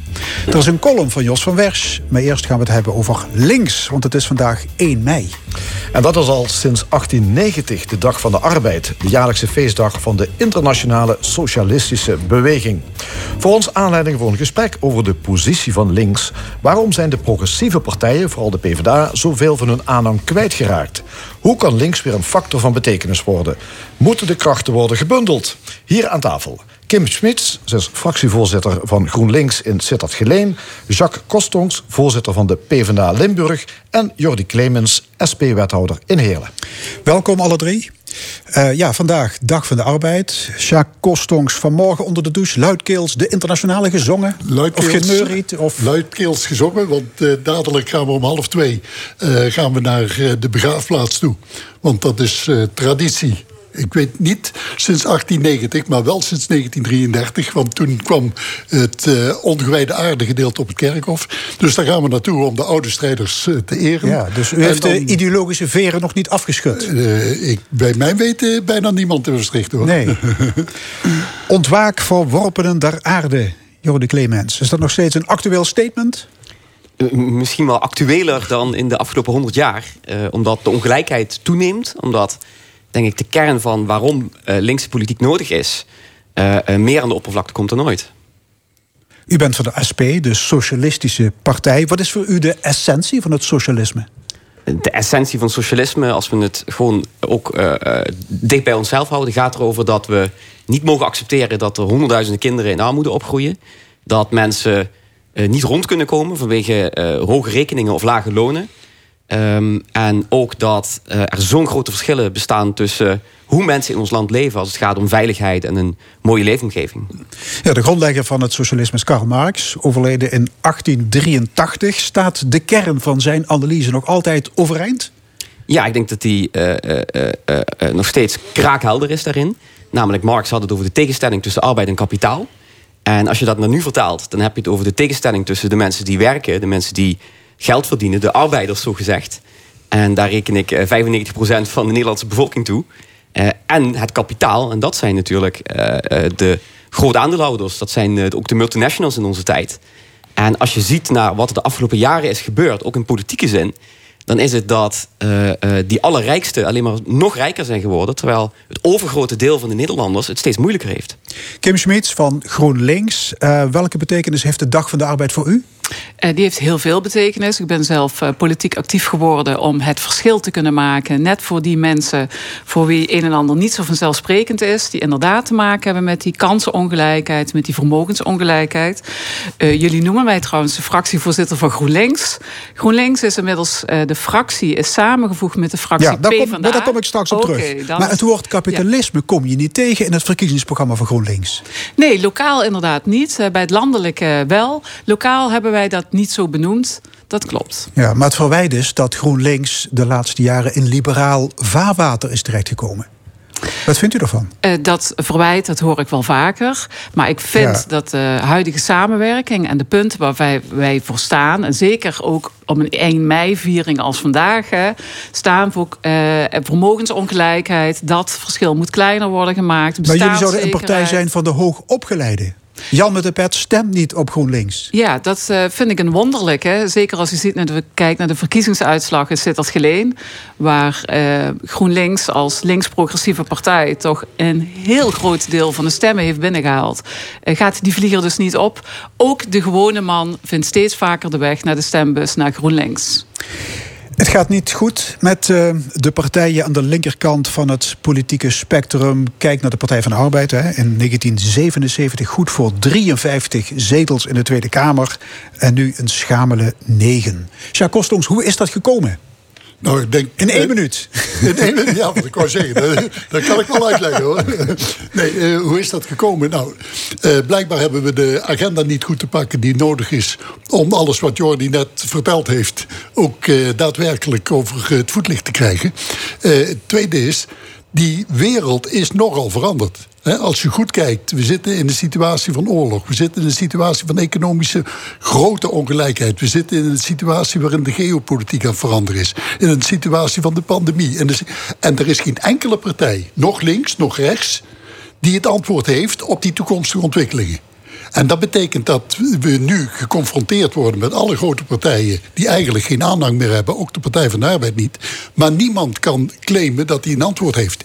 En dat is de uitdaging voor de komende tijd. En daarom is het goed dat jullie ons hebben uitgenodigd, want het begrip samenwerking Nee, oké. staat Maar he- heeft het ook te maken met de gestegen welvaart? Ik bedoel, de arbeidersklasse heeft een, een, een auto, heeft een huis, gaat twee keer per jaar op vakantie. uiteraard, Is de missie van de sociaaldemocratie volbracht? Eh, dat gedeelte van die missie is volbracht. Maar het ge- gedeelte van de nuluurscontracten... het gedeelte van de flexibele schil... zoals dat dan netjes heet in de bedrijven... het gedeelte, ja, noem maar op... alles wat de onzekerheid meebrengt... voor een groot gedeelte van de werkende bevolking... die maakt dat je net ja, de helemaal geen rust meer krijgt... maar electoraal elke keer een andere sprong... Dat is iets wat de komende jaren aan de orde is. Daar zullen we gezamenlijk voor moeten strijden. Want daar ligt de gemeenschappelijke agenda, ook met de vakbeweging. Wie kan dat lijstje van kostongs aanvullen? Waarom zou de gewone man of vrouw anno 2022 op een progressieve partij moeten stemmen? Nou ja, laat ik zeggen, eh, we zien het ene na het andere voorbeeld van hoe eh, gewone mensen tegen elkaar worden uitgespeeld door grote bedrijven, door de rijken in dit land. Ja, afgelopen week nog, ik, ik, ik, ik, ik heb met grote verbazing alle berichten gezien over eh, de, de, de grote opstoppingen op Schiphol vanwege een eh, staking van de koffergooiers, zoals ze worden genoemd. Hè, de mensen die ervoor zorgen dat die koffers in die vliegtuigen komen en er ook wel heel snel uitkomen. Ehm, Die worden ja, zwaar dan- onderbetaald. die worden zwaar onderbetaald. Die doen ongelooflijk zwaar werk. Die mensen zijn kapot als ze eh, eh, aan het eind van hun werkzame bestaan komen. Ehm, maar ja, en, dus terecht denk ik dat die mensen gaan staken. Maar wat zie je dan op het journaal? Wat lees je in de kranten? Allemaal eh, mensen die heel graag op vakantie wilden, niet op vakantie kunnen gaan. En ik snap dat, dat die mensen daar boos en teleurgesteld over zijn. Maar de echte tegenstelling zit hem niet tussen de koffergooiers en de kofferinpakkers, zal ik maar zeggen. De mensen die graag naar vakantiebestemming toe willen. De echte tegenstelling zit hem tussen eh, aan de ene kant die koffergooiers en die mensen die op vakantie willen, die ook allemaal gewoon een baan hebben en er hard voor werken. En aan de andere kant de grote bedrijven zoals Schiphol, die, die belachelijk lage lonen betalen. Daar Kim- Kim. Nou, ik denk, echt, ik zou er heel graag op willen aanvullen dat ik daar ook echt een taak voor ons zie weggelegd. Steeds vaker daar waar mogelijk die kans grijpen om de waarlijke tegenstelling te benoemen. En wat je vaak ziet is dat populistisch rechts er heel goed in is om onwaarheden te laten rondzuizen als zijnde waarheden. En daar zit echt voor ons een uitdaging. Kijk naar de perversiteit eh, rondom corona. Waar continu ge- gesproken werd over hoe kunnen we de ondernemingen redden. Terwijl ze hadden moeten zeggen hoe kunnen we werknemers overeind houden in Nederland. Ja, dus wa- waar, wat is het wereldbeeld wat je uitstraalt? Ja. En daar ligt de uitdaging. Goed, er is groeiende ongelijkheid, er is een klimaatcrisis, er is woningnood, eh, te veel flexwerk. Ehm, is dat allemaal op het konto te schrijven van de ongebreidelde markteconomie? Gedeeltelijk eh, is dat op het konto te schrijven van die ongebreidelde markteconomie. En gedeeltelijk zijn dat ontwikkelingen ja, die niemand voorzien had. Ja, de, de, de, het feit dat je op die, deze manier tekeer bent gegaan met het milieu om het zo eh, nou, te vernietigen. Ja. Ja, dat, dat is pas langzamerhand sinds de, de, de Club van Rome een beetje op het netvlies Oké, gekomen. Maar als dat Dus- zo is, dan zou links toch ongelooflijk de Nee, wind in de zeilen moeten hebben. Er is één grote paradox. Als iets niet goed gaat en er is nog geen uitzicht op verbetering, dan stemmen mensen niet op links. Mensen krijgen pas vertrouwen als links erin slaagt, wij dus, om hun dat perspectief te bieden. Om te laten zien dat je in onzekere situaties net de verandering moet aandurven. Want dat is wat er gebeurt. Net in onzekerheid, dat kun je historisch gewoon altijd zien. Dan lijkt het, nou kan links het overnemen. Nou, dat is niet waar. Onzekerheid werkt precies andersom. Dus in onzekere tijden zoals nu stemmen mensen rechts, om het zo maar eens Ja, te noemen. ja, ja. En gaat het, eh, gaat het goed, dan, dan stemmen ze links. Ze stemmen rechts of op het, op het bestaande. Hè, want bijvoorbeeld als eh, de, in Duitsland zag je dat Merkel en Scholz, ja, die werden gesteund. Waarom? Dat was het houvast. Eh in Frankrijk zie je, Macron wordt gesteund. Waarom? Ja, dat is het houvast. Dus het is het bestaande Ja. of... Ik, ik, ik ben het heel, van een heel groot deel met je eens, Jacques. Maar ik denk bijvoorbeeld in Frankrijk dat je daar heel helder ziet. eh, het gemis van de verbondenheid op links. Ik denk anders dat links daar veel krachtiger had kunnen zijn. Wat dat betreft ben ik ook wel heel blij dat we hier wat meer gericht zijn op die samenwerking en elkaar daardoor te versterken. En wat wellicht ook meespeelt, is dat alle politieke partijen wat naar links zijn opgeschoven. Hè? Zelfs de VVD wil, Nou, ja. zelfs de VVD wil hogere lonen en kleinere inkomensverschillen. Nee, nee, nee. Rut- Rutte noemt de overheid tegenwoordig het schild van de zwakken. Dat was toch eigenlijk een tekst van de Partij van de Arbeid vroeger? Ik ben, ik ben eh, aan het wachten op de prestaties van eh, het kabinet. Nee, maar Rutte meent dit natuurlijk ook helemaal niet. Hè. Eh, Laten we nou eerlijk zijn. eh, eh, eh, echte linkse politiek kan ik me in dit land eigenlijk niet herinneren. Eh, want eh, eh, als je nou kijkt naar de, de crisis eh, waar het gaat over wonen, hè, dat mensen geen fatsoenlijke woning vinden of dat de, de woonlasten zo hoog zijn. Als je kijkt naar de arbeidsmarkt, waar de lonen laag zijn en er weinig zekerheid is. Dat zijn geen natuurverschijnselen, hè, tot- en met de klimaatcrisis aan toe. Dat komt niet uit de lucht vallen. Dat komt omdat we die grote bedrijven en dat groot kapitaal voluit, volop de ruimte hebben gegeven. En daar is Rutte in voorop gegaan. En de kabinetten daarvoor hebben exact hetzelfde gedaan. Hè. Eh, we, we hebben het hier over de PvdA. Nou ja, eh, Wim Kok was ook een liberaal natuurlijk. Hè. Dus die hebben volop ruimte gegeven aan, eh, aan die grote bedrijven. Om te vervuilen, om lage lonen te betalen... om mensen op onzekere contracten te zetten. Ja, en dan is dit wat je krijgt. We zitten dus echt midden in een liberale storm. Kostongs, PvdA? Nou ja, de- ik denk dat het probleem is dat eh, op links eh, heel snel eh, oordelen staan over personen. Terwijl de, de man van de vakbeweging in Nederland, Wim Kok, natuurlijk geen liberaal genoemd kan Ik heb het worden. natuurlijk is over de politiek. flauw. Ik heb het Hè, natuurlijk dus- Maar het gaat over de paarse kabinetten. Waarin toch een heleboel is gedereguleerd en geprivatiseerd. En noem de derde weg. U kent het verhaal. Eh, op dat moment zijn de inkomensongelijkheden niet toegenomen. Was de eh, werkgelegenheid uitstekend te noemen. Dus er waren ook heel veel sterke kanten. die we niet weg moeten laten blazen door de eh, Pim Fortuyn-achtige geluiden. die soms ook op links Nee, maar het, het ging economisch goed. Daar, en, en daar had je de kans kunnen grijpen om eh, bijvoorbeeld veel meer te doen eh, tegen de armoede en ongelijkheid in dit land. Nou, in plaats daarvan hebben die kabinetten Kok, wat gewoon liberale kabinetten waren, gewoon gekozen voor exact dezelfde route van inderdaad dereguleren, van liberaliseren, marktwerking in de zorg. En daar plukken we nu de wrange vruchten van. Goed, binnen de PvdA is de discussie losgebarsten over samenwerking met GroenLinks. Meneer Kostongs, u bent een sociaaldemocraat van het eerste uur. Hoe kijkt u er tegenaan? Eh, die samenwerking op links, dat is iets wat eh, ja, mij in elk geval bevalt. Ik ben in 1972 lid geworden, dus 50 jaar geleden vandaag. eh, ben ik lid geworden. En, U las keerpunt 72 en toen u was dacht, ik moet lid worden. 72. Nee, want wij waren toen bezig in Tilburg, waar ik studeerde... om een programma te ontwikkelen samen met de PPR, de PSP... met D66 en de Partij van de Arbeid. Dat is goed gelukt. Dus de smaak van een goede samenwerking op links... eh, die heb ik eh, altijd gehad.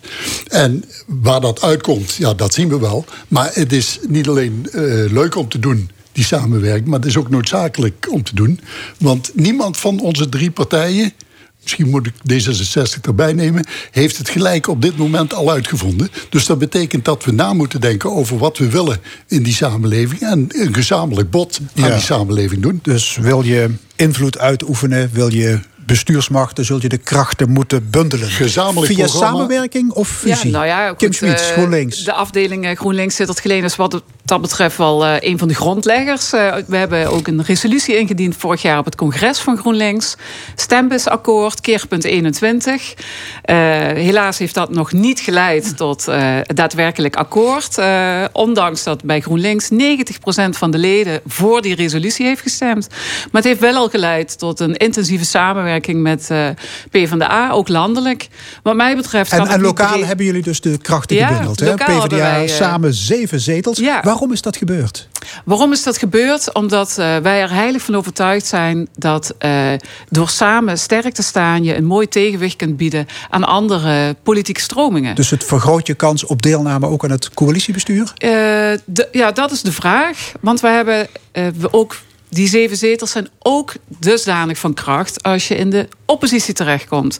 Het gaat gewoon om eh, de goede beweging te laten groeien. En dat is dat links progressieve geluid in Sittard Geleen. Waar overigens ook maar twee links progressieve partijen meededen, helaas. Oké, dus machtsvorming op lokaal niveau. Krachtenbundeling. Krachtenbundeling.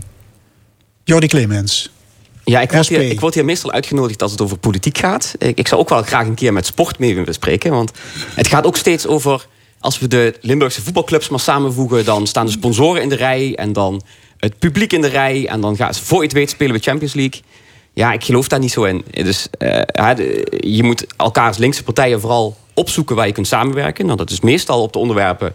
eh, eh, waar het gaat over het sociale maken van, van, van, van steden, van de provincie, van het land.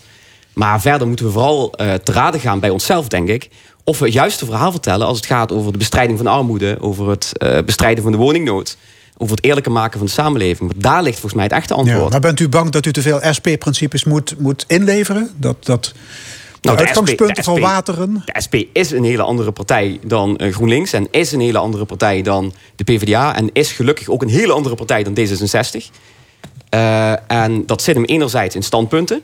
Ik denk dat wij een hele, eh, eh, hele vergaande voorstellen hebben... als het gaat over het eerlijker maken van de samenleving... en over echte herverdeling hè, van die eh, eh, kleine 1% naar de rest... Eh, en ook een andere partij zijn in onze manier van doen. Hè, daarom we trekken heel graag de maar vindt, bijvoorbeeld. vindt u dat we dit land te veel aan rechts overlaten? Ja, zonder meer. Ja, we zitten Maar dan, in een, eh, zul je toch, dan zul je toch iets moeten laten invallen, of niet? Nou, we zitten natuurlijk ook voor een heel, heel belangrijk deel in een rechtsframe. Hè? Ik noemde net al het voorbeeld van Schiphol. Maar ja, ik denk ook aan... eh, een half jaar geleden viel een kaartje in mijn bus van de PostNL... dat eh, de, eh, de dag van de postbezorger eraan kwam. En ik denk dat meer mensen dat wel hebben gehad. En daarin werd mij gevraagd... eh, en daarin werd ook mijn buren en heel veel andere mensen bij in de buurt gevraagd... of we eh, wat extra's wilden meegeven aan de postbezorger. En toen dacht ik, ja, dit is even gek. Dan komt dus een multinational die miljoenen winsten boekt... die de topmensen eh bonussen uitbetaalt... die gaat aan gewone mensen in buurten vragen... wilt u alsjeblieft iets betekenen voor onze postbezorger? Ja, en dit is precies het verkeerde frame. Hè? Dus een soort liefdadigheid vragen aan gewone werkende mensen... terwijl je eigenlijk zou moeten gaan voor georganiseerde herverdeling. Nee, precies. Maar wil je iets bereiken, dan zul je toch iets moeten doen? Dat is mijn vraag juist. Maar, maar Jordi, toch even, hè, want ik hoor jou eh, redeneren. En eh, eigenlijk komt het er eh, niet. De vraag is niet of je wilt fuseren met wie dan ook. De vraag is of je de samenwerking optimaal wilt opzoeken of niet. En ik hoor eigenlijk jou de rem eh, formuleren steeds. Door onmiddellijk als het over de, de, de, de, de drie partijen gaat. om te zeggen ja, maar. En dan komt de hele rits. eh, waaruit blijkt, ik had toch gelijk. En ik had misschien ook gelijk om Frans Timmermans te kritiseren. En ik had ook gelijk om Kok te kritiseren. En ik had ook gelijk. Ik denk dat die rem niet echt productief is. Of wel? Oh nee, maar het is ook geen rem per definitie. Ik ben heel kritisch op Wim Kok. Ik ben ook heel kritisch op Frans Timmermans, dat klopt. Eh, maar dat gaat over inhoud. Op het moment dat de PvdA of GroenLinks goede voorstellen doen... en ik zie dat lokaal ook eh, regelmatig gebeuren... Nee, ja, je- dan krijgen jullie de je- volle je- steun van de SP Nee, daarvoor. maar wacht even. Nou, de, de- het begrip samenwerking zegt dat je na gaat denken, gezamenlijk ook, over nieuwe stappen die je moet nemen. Waar jij het over hebt, is een traditionele deling tussen drie partijen. En dan kijk je of je iets gemeenschappelijks kunt doen. Terwijl de uitdaging is een stap verder te gaan. Nee, maar kijk, eh, het probleem van links in de afgelopen decennia is nou juist geweest dat het vooral een aspirintje tegen de rechtse hoofdpijn wilde zijn... in plaats van een echt alternatief te formuleren. Ja, maar het- en daar pleit ik voor. Het probleem is dat we alle drie op onze. Ja, de, de, GroenLinks niet elke keer, zeker niet de zit de laatste keer. Maar dat we alle drie op onze donder hebben gekregen van het electoraat. eh, dat is toch iets eh, meer dan aan de deuren kloppen. Wat niet meer kon Ja. toen het corona was. En de Dus- SP heeft ook al zes verkiezingen op rij verloren. dus we zullen toch iets moeten doen om nieuw na te denken over onze standpunten. in plaats van een onderhandelmodel tussen de drie te creëren, hè? of niet? Nou ja, wat ik vind is dat eh, eh, het antwoord moet zitten in een helder verhaal van links. En een helder verhaal krijg je niet door een soort compromis tussen drie verschillende stromingen eh, te formuleren. Dus ik zou zeggen, laten we alle drie een helder verhaal formuleren. waarin we ook laten zien waar de verschillen zitten. En dan ben ik heel blij dat we heel vaak elkaar zullen vinden op sociale thema's. Maar we zijn andere partijen met andere standpunten, andere werkwijzen. Die eh, allemaal op hun manier strijden voor een, eh, wat mij betreft, eh, eerlijker Nederland. Kim Schmid, wat zou u vinden van één grote eh, herpositionering van links? Hè, een fusie van PvdA, GroenLinks, nou ja, SP, dat wordt een moeilijk verhaal. Partij voor de Dieren, Denk, Bijeen. Een fonkelnieuwe volkspartij. Ja, dit is wel echt mijn persoonlijke mening. Hè? Eh, maar ik, eh, ik, ik, ik zou dat wel heel graag willen verkennen. Ik, eh, ik denk dat daar een kracht van uitstraalt eh, die ongekend is. Want Eh, kiezers zullen ook kijken naar de maxvraag. Dus ja. dat maakt zo'n partij misschien wel extra aantrekkelijk. Ja, ik denk het echt. En Als je dan met, ik zei het net al, keerpunt 21. Als je met 21 heldere punten komt. Met één pr- ja, premierskandidaat. Één gezicht. Eh, Ik denk dat dat een hele grote kracht eh, zou zijn. en dat je daar echt mee zou kunnen scoren. Een mooi schaduwkabinet zou op landelijk niveau en ook lokaal best eh, een interessant idee zijn. Wat steeds belangrijker wordt in de politiek is leiderschap. Zijn er op links voldoende capabele leiders met charisma en uitstraling? Leiders ontwikkelen zich en die moeten de kans krijgen om te ontwikkelen. En we zijn in Nederland de verkeerde kant op gegaan door mensen onmiddellijk te gaan beoordelen de eerste paar maanden of jaren dat ze er zitten. Moet je niet doen. Je moet wel stevig in je schoenen staan. Hè? Kijk naar Kaag en, en Ploemen. Je wordt afgebrand waar je, waar je, moet, bij staat. Je moet de kans krijgen je te ontwikkelen om stevig in je schoenen te gaan staan. Toen Mark Rutte begon, zei iedereen: wat is dat voor een jongetje? En eh, doordat hij toevallig heel lang is gebleven, onder andere door een paar capaciteiten die hij heeft, eh, heeft hij zijn status kunnen opbouwen. En dat geldt voor iedereen die in Nederland het begrip leiderschap eh, mee heeft gekregen. Oké, iemand nog een opmerking? We gaan een goede 1 mei in vanmiddag om drie uur in de Bergmans in de Brede Straat in Maastricht. Drie uur Joop van den Berg over keerpunt 1972-2022. Dank je wel. En wat mij betreft zou het überhaupt een nationale feestdag in heel Nederland moeten zijn. Want daarmee laat je zien welk belang sociaal-democratisch beleid voor jou kan hebben. En dat vieren we niet in Nederland en dat is zonde. Hartelijk dank voor dit 1 mei gesprek. Kim Schmitz van GroenLinks in Sittard Geleen. Jacques Kostongs, voorzitter PvdA Limburg. En Jordi Clemens, SP-wethouder in Heerlen. Dank jullie wel.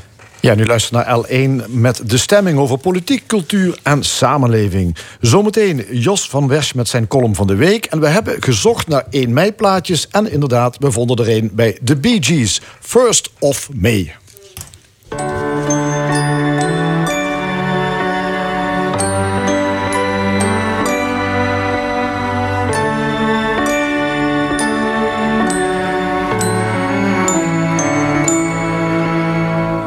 When I was small and Christmas trees were tall, we used to laugh while others used to play. Don't ask me why, but time has passed us by. Someone else moved in from far Now we are tall and Christmas trees are small, and you don't ask the time of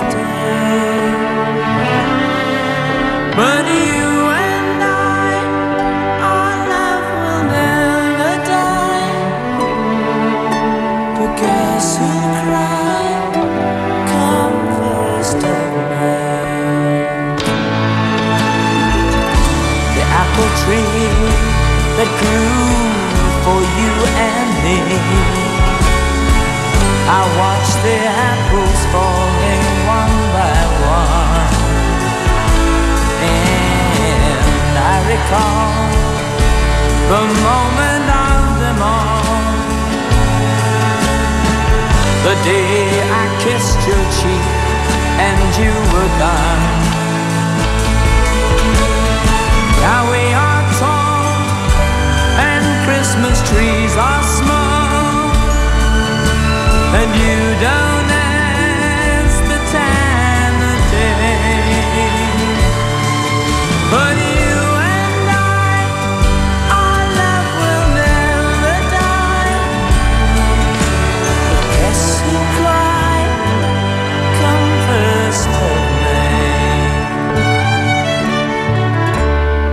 Was small and Christmas trees were tall. Do do do do do do do do do. Don't ask me why, but time has passed us by. Someone else moved in De column. Vandaag met Jos van Wersch. Hij eindigt als een 73 jaar ouderwetse, lederen, geveterde voetbal... die langzaam is leeggelopen doordat de binnenband poreus is geworden. Als jonge sportverslaggever van het Limburgs Dagblad... zag ik hem op de linksbackpositie de Badr Harry uithangen bij MVV. Later kwamen we elkaar in binnen- en buitenland tegen, in hotelbars, op vliegvelden en vooral in voetbalstadions. We kwamen niet bij elkaar over de vloer, integendeel. We hielden gepaste afstand, want zijn voetbalweekblad was van de linkse kerk en mijn krant was eigendom van de rechtse telegraaf. Hetgeen hem er niet van weerhield om in de tweede helft van de jaren tachtig tevergeefs zijn oog te laten vallen op datzelfde Limburgs Dagblad toen die krant een chef voor de spotredactie zocht. In een van zijn tv-programma's heeft hij ooit verteld, en er is geen woord van gelogen, dat ik tot in het late uurtjes in hotelbars achter de piano kroop. Nadat ik eerst met veel applaus en tot vermaak van een ieder de vaste hotelpianist naar huis had gestuurd. Ja, ook ik heb mijn jeugdzonde. Hij is multimiljonair en ik heb het geschopt tot columnist van de stemming. Zo gaan die dingen. Het enige wat we nu nog voor Johan kunnen doen is een kaars aansteken. Bij voorkeur in Noveenkaars. Die brandde heel lang. Vrijdag ging zijn programma als een nachtkaars uit en werd hij zelf meegesleurd naar de vuilnisbelt voor gesneuvelde aandacht-junks. Eén ding pleitte wel voor hem. In zijn jonge jaren stemde hij, net als ik, op de Partij van de Arbeid, want Derksen komt uit een rood nest. Waarmee ik op de dag van de arbeid zo vrij ben om aan Frans Timmermans te vragen of er nog wat van komt. Onze man in Brussel heeft zijn hele carrière te danken aan de PvdA. Maar zelfs aan het sterfbed van de Sociaaldemocraten laat hij niks van zich horen. Thijs Wulges, die sinds 2008 bij de Herriot logeert, zal hem daar zijn tijd gegarandeerd over aanspreken. De column van Jos van Wersch. We gaan verder in de stemming met een onze discussiepanels. Vandaag over Koningsdag, moreel leiderschap van Willem-Alexander... het stopzetten van Vandaag Inside en nog veel meer. Aan tafel Ingeborg Dijkstra, ombudsvrouw Heja Harzi... en headhunter Wim Haan. Ja, eh, woensdag was het Koningsdag. Eh, in een uh, zonovergoten binnenstad van Maastricht wandelde koning Willem-Alexander met zijn familie langs harmonieën, muzikanten, dansers, vlaaien, bakkers, wijnboeren, vastelovensverenigingen, drag queens. hebben jullie dat allemaal gevolgd?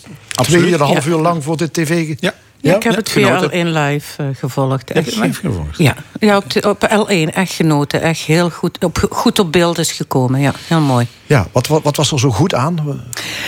Echt Limburgs. Je zag eh, de koninklijke echt genieten. Eh, druk. ehm, iedereen met hoofddoek, zonder hoofddoek. Iedereen was er aanwezig. Zo, de camera liet heel veel beelden zien.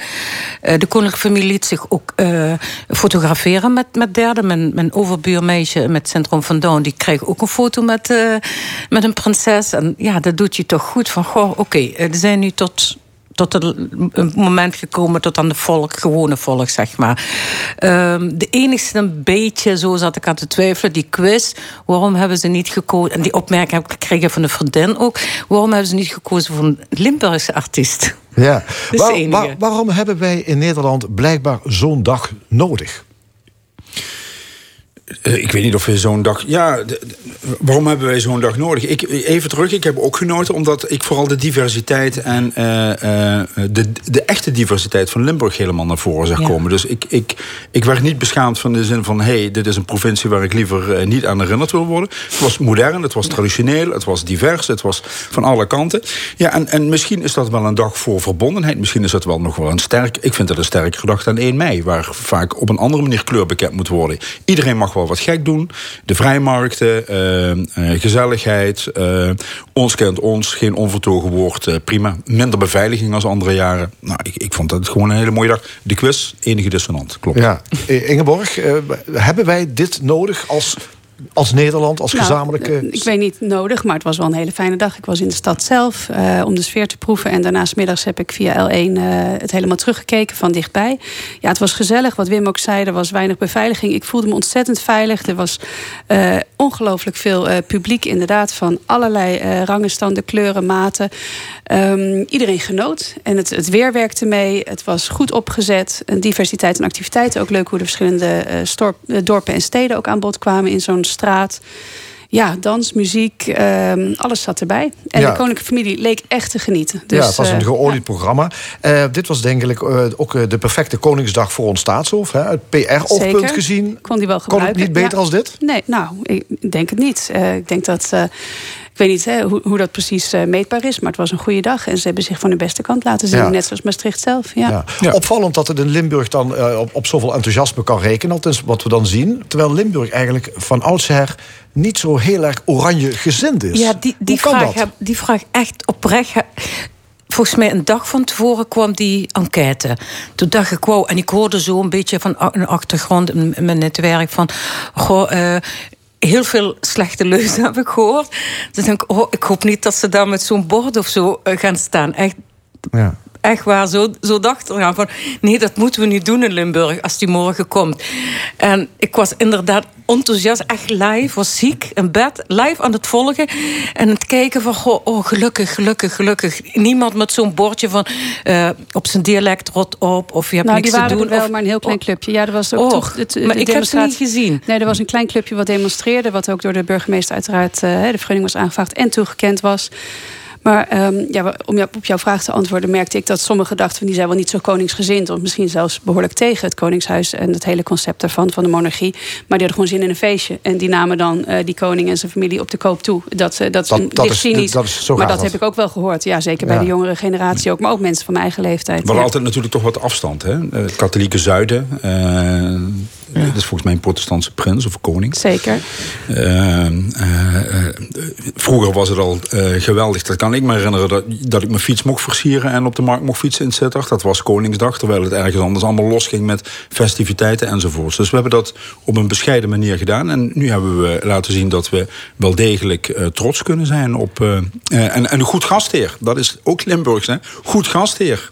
Welkom. En ook, ja, en ook accepteren de, de, de verschillen. Oké, hij is protestant, maar hij is welkom hier. En dat vond ik fijn. Dus ik maak even mijn verhaal af. Ik was echt, echt blij dat dat niet veel was te zien. Zeker, was minimaal. En dat de mensen Ja. blij, dat de mensen geno- eh, Mhm. van hebben genoten. De dag daarna hoor je ook van anderen... oh, wat was dat een leuke dag, wat was mooi. Wat... Ja, het heeft ons ook na twee jaar corona iets goeds gedaan. Ja, een Echt. opvallend detail was toch dat de koning, de koningin en hun dochters de nacht eh, hebben doorgebracht hier in Maastricht. En bij Van der Valk. Ja, wat wil je nog meer? Ja. Ze hebben zich echt een, een tree Waarom- lager gezet. Ja, maar waarom zouden ze dat gedaan hebben? Om meer populariteit te krijgen, Ja, denk ik. Ja, ja. Waarom niet? Ja, ze hoeven toch niet allemaal naar Ja. Chateau Gerlach of Ja, inderdaad. Want waarom niet? Wat, wat wel bijzonder is, is dat al dat soort zaken dan wordt uitvergroot. Dus Ja. een opmerking eh, die hij eh, dan even in zijn eh, onbevangenheid zegt over... eh, als je niet oppast, dan eindig je als Poetin of Van de Valk... of wat voor een eh, kleding heeft hij aan... of zegt eh, Amalia iets over studie in Maastricht. Het wordt allemaal wel heel erg uitvergroot. De- Eén dissonant vond ik de quiz. De andere dissonant vond ik als iemand jarig is... ga je vooral vragen over hoe het prettig is. En ga je niet vijf vragen vertellen over een enquête... of over je rapport dat zo min, minmatig is. Dat komt ook wel een keer aan bod, maar niet op deze dag, vind ik. Er zijn Dat- 364 andere dagen. Juist, ja. Ja, laten we dus even hebben over die, over die peiling. Eh daaruit blijkt dat de populariteit van Willem-Alexander verder is gedaald. Nog Ja. maar 47% van de bevolking heeft vertrouwen in onze koning. Ja, van waar deze lage score? Wim. Ja, nou, van, van waar deze lage score? Ik denk, ik denk dat er veel onhandigheid natuurlijk heeft plaatsgevonden eh, wat dat betreft. Er, wordt behoorlijk op ingehakt. Hè. Je hoeft maar een column te lezen van Joep van het Hek... en het gaat altijd over de 2 miljoen eh, kostende dure eh, eh, speedboot. De reis naar Griekenland. Het zijn allemaal uitermate onhandige zaken. En ja, dan, dan, dan, dan zie je dat een, een koning iets mindere gunfactor heeft... dan bijvoorbeeld een Beatrix die veel statiger was... en, en daar wat minder gevoelig voor was. Dus hier zal altijd, ook, ook, ook nu zag ik weer de koninklijke hoogheid zitten... maar hij zat het meest goed in zijn posten toen hij het ijls aan het drinken was. Dus hij heeft iets jongensachtig om zich heen... wat, wat minder serieus genomen wordt. Ja. Dus te veel blunders achter elkaar. Ja. En dat kost het. hem 10% populariteit. Nou, ik denk dat Wim dat goed heeft uitgelegd. In de laatste twee jaar zijn natuurlijk wat, eh, wat onhandigheden gedaan. Het feestje van Amalia, nou, de, de trip naar Griekenland. We hebben ze ook hier wel besproken met elkaar aan tafel. Het is wel zo dat ook nu twee jaar geleden, over, eh, over drie dagen op 4 mei 2020, zag je de peiling enorm hoog gaan. Want toen stond hij daar in zijn eentje op de dam. Toegegeven, we zaten net in de crisis. Maar toen zag je dat hij. Eigenlijk in staat was om ook eens te laten zien dat er ook een hele andere kant is. En helaas, eh, vanaf dat moment zijn er eerder wat eh, onhandige nou, ja, acties geweest van hemzelf en zijn gezin. Ja, zwak Waardoor uitgedrukt, Nederland, eh, eh, onhandig volgens Ja, mij. goed. Hè? Nou ja, ehm, inderdaad. En ook Maar de- goed, de- de- Nederlanders hebben wel vertrouwen in de monarchie, maar veel en veel minder in de persoon van Willem-Alexander. Dus moet er een tandje bij als het gaat om betrokkenheid en meelevendheid? Natuurlijk, ja, dat, dat ligt aan zichzelf. Hè. Hij moet daar ook in groeien. En, en hij vertegenwoordigt ook eh, deel van de bevolking die ook in zijn leeftijd. Dus ik, ik zie niks bijzonders aan. En hij werkt daaraan. Ja, zoals Ingeborg zegt, eh 4 mei stond hij daar en hij heeft wel iets veranderd. Dus hij, hij blundert niet steeds en steeds weer. Hij probeert ook te herstellen. En hij laat zien dat hij te corrigeren is. En dat is fijn. Om het helemaal weg te halen, denk ik niet. Maar het komt met de tijden. Dus, eh. Maar hoe kan dat? Die man heeft toch een batterij adviseurs? Of staat die morele antenne ook niet goed afgesteld van die mensen? Ja. Of hoe kan dat? Ja, dat, denk ik inderdaad. Je kunt zoveel adviseurs Bier hebben. drinken met Poetin? Ja, ja, ja nou, dat was toen, dat was toen nog, eh, nog verantwoord. Dat was niet leuk. Nou, toen had hij de Krim volgens mij al lang ja, breed ja, eh, maar goed, hè, dus, ja, eh, het morele kompas is nadrukkelijk wat zoek. En dan, dan, dan wordt erop ingehakt. Het, is, het heeft heel veel te maken met een iets heel on, onbrekenbaars, die heel lastig. Het is een gunfactor. En die heeft hij beduidend minder. Dus een tandje erbij betekent dat hij nog verder van zichzelf komt. En dat betekent dat zijn populariteit nog meer onder druk zal komen. Schrijfster Marcia Luiten die schreef deze week in haar column in de Volkskrant... de koning moet minder jetset gedrag vertonen... en zich opwerpen als moreel leider. Bijvoorbeeld als het gaat over klimaatverandering. Dat is een apolitiek onderwerp en daar moet onze vorst zich voor inzetten. Wat vinden jullie? Ik vind het onzin en onre- onrealistisch. Als hij voor het weekend naar, naar, naar zijn eh, eh, privéhuis of vakantiehuis in Griekenland moet, gaat vliegen. eh, de koningin die werkt voor de VN die moet de hele wereld rondvliegen. Het is niet realistisch. Dat, dat gaat ook niet gebeuren. Hij is met het watermanagement bezig. Dat is al iets. Ze doen heel veel goede dingen voor het klimaat. Hij rijdt privé elektrisch. Maar om het echt. Nou, hij Ja. schijnt ook veel verstand te hebben van waterstof. We het vorige keer over hadden. is geen domme vent. Dat nee. is de, even, de evenwicht ongeveer. Maar Nou, ik- om het helemaal weg te halen of te Nou, weg, worden. dat weet ik niet. Maar ik- is dat ik iets nieuw, voor nieuw boegbeeld voor de Nou ja, ik verduurzaming? Nee. Zoals Nou. Prins Charles dat in Engeland ook doet? Ja, nou precies, dat is wel een heel ander type. Maar ik kan me wel voorstellen dat hij op bepaalde momenten daar wat steviger uitspraken doet. En dan niet heel als een moraalridder. Maar hij heeft de kennis in huis. Hij heeft zeker een team van adviseurs dat hij het kan combineren. En ja, dat jetset gedrag, dat hoort bij Dat hoort koningen. Blijkbaar, ik denk Ja. dat. eh, maar er zou, ik kan me wel eens een speech voorstellen. Waar al was het maar tussen de regels door. eh, om gewoon eens iets te laten horen van ook de zorgen van eh, ons land. Ja. Wim Haan, moreel leiderschap. Nee, Van de dat, koning. nee ik, ik zou hem niet iets toe willen bedichten wat gezocht is, waar hij een verantwoordelijkheid voor neemt. Dat, dat vind ik eh, ontzettend lastig. We hebben juist eh, zitten peuteren aan zijn verantwoordelijkheid en die is vooral ceremonieel. Ik denk dat hij eh, achter de schermen best een aantal zaken doet. Eh, ik- ik ben er geen voorstander van. Nee. Ik ook niet. Nee. Het gaat ook omdat ik niet liever, gaat heb ik liever, gebeuren. liever eh, koning Willem-Alexander dan eh, prins Charles, overigens. Maar dat is een persoonlijke mening. Oké, we gaan naar eh, iets anders dat eh, deze week de- het nieuws beheerste. Eh, naast Koningsdag was het programma VI van SBS het gespreksonderwerp van de week. Johan Derks die vertelde hoe hij als jonge man een eh, vrouw met een kaars penetreerde, verkrachting dus. Een dag later ontkende hij dat weer. Ja, wat, wat, wat, wat moeten we daarvan denken nou? Verschrikkelijke man die altijd als een verschrikkelijke man gaat blijven. Want nu komen ook van vroeger, van 1970, 74, wat hij allemaal eh, heeft gedaan en wat eh, in Groningen of in Veendam, eh, waar hij woont, dat hij toen ook is geschorst vanwege. zijn gedrag en zijn uitspraken.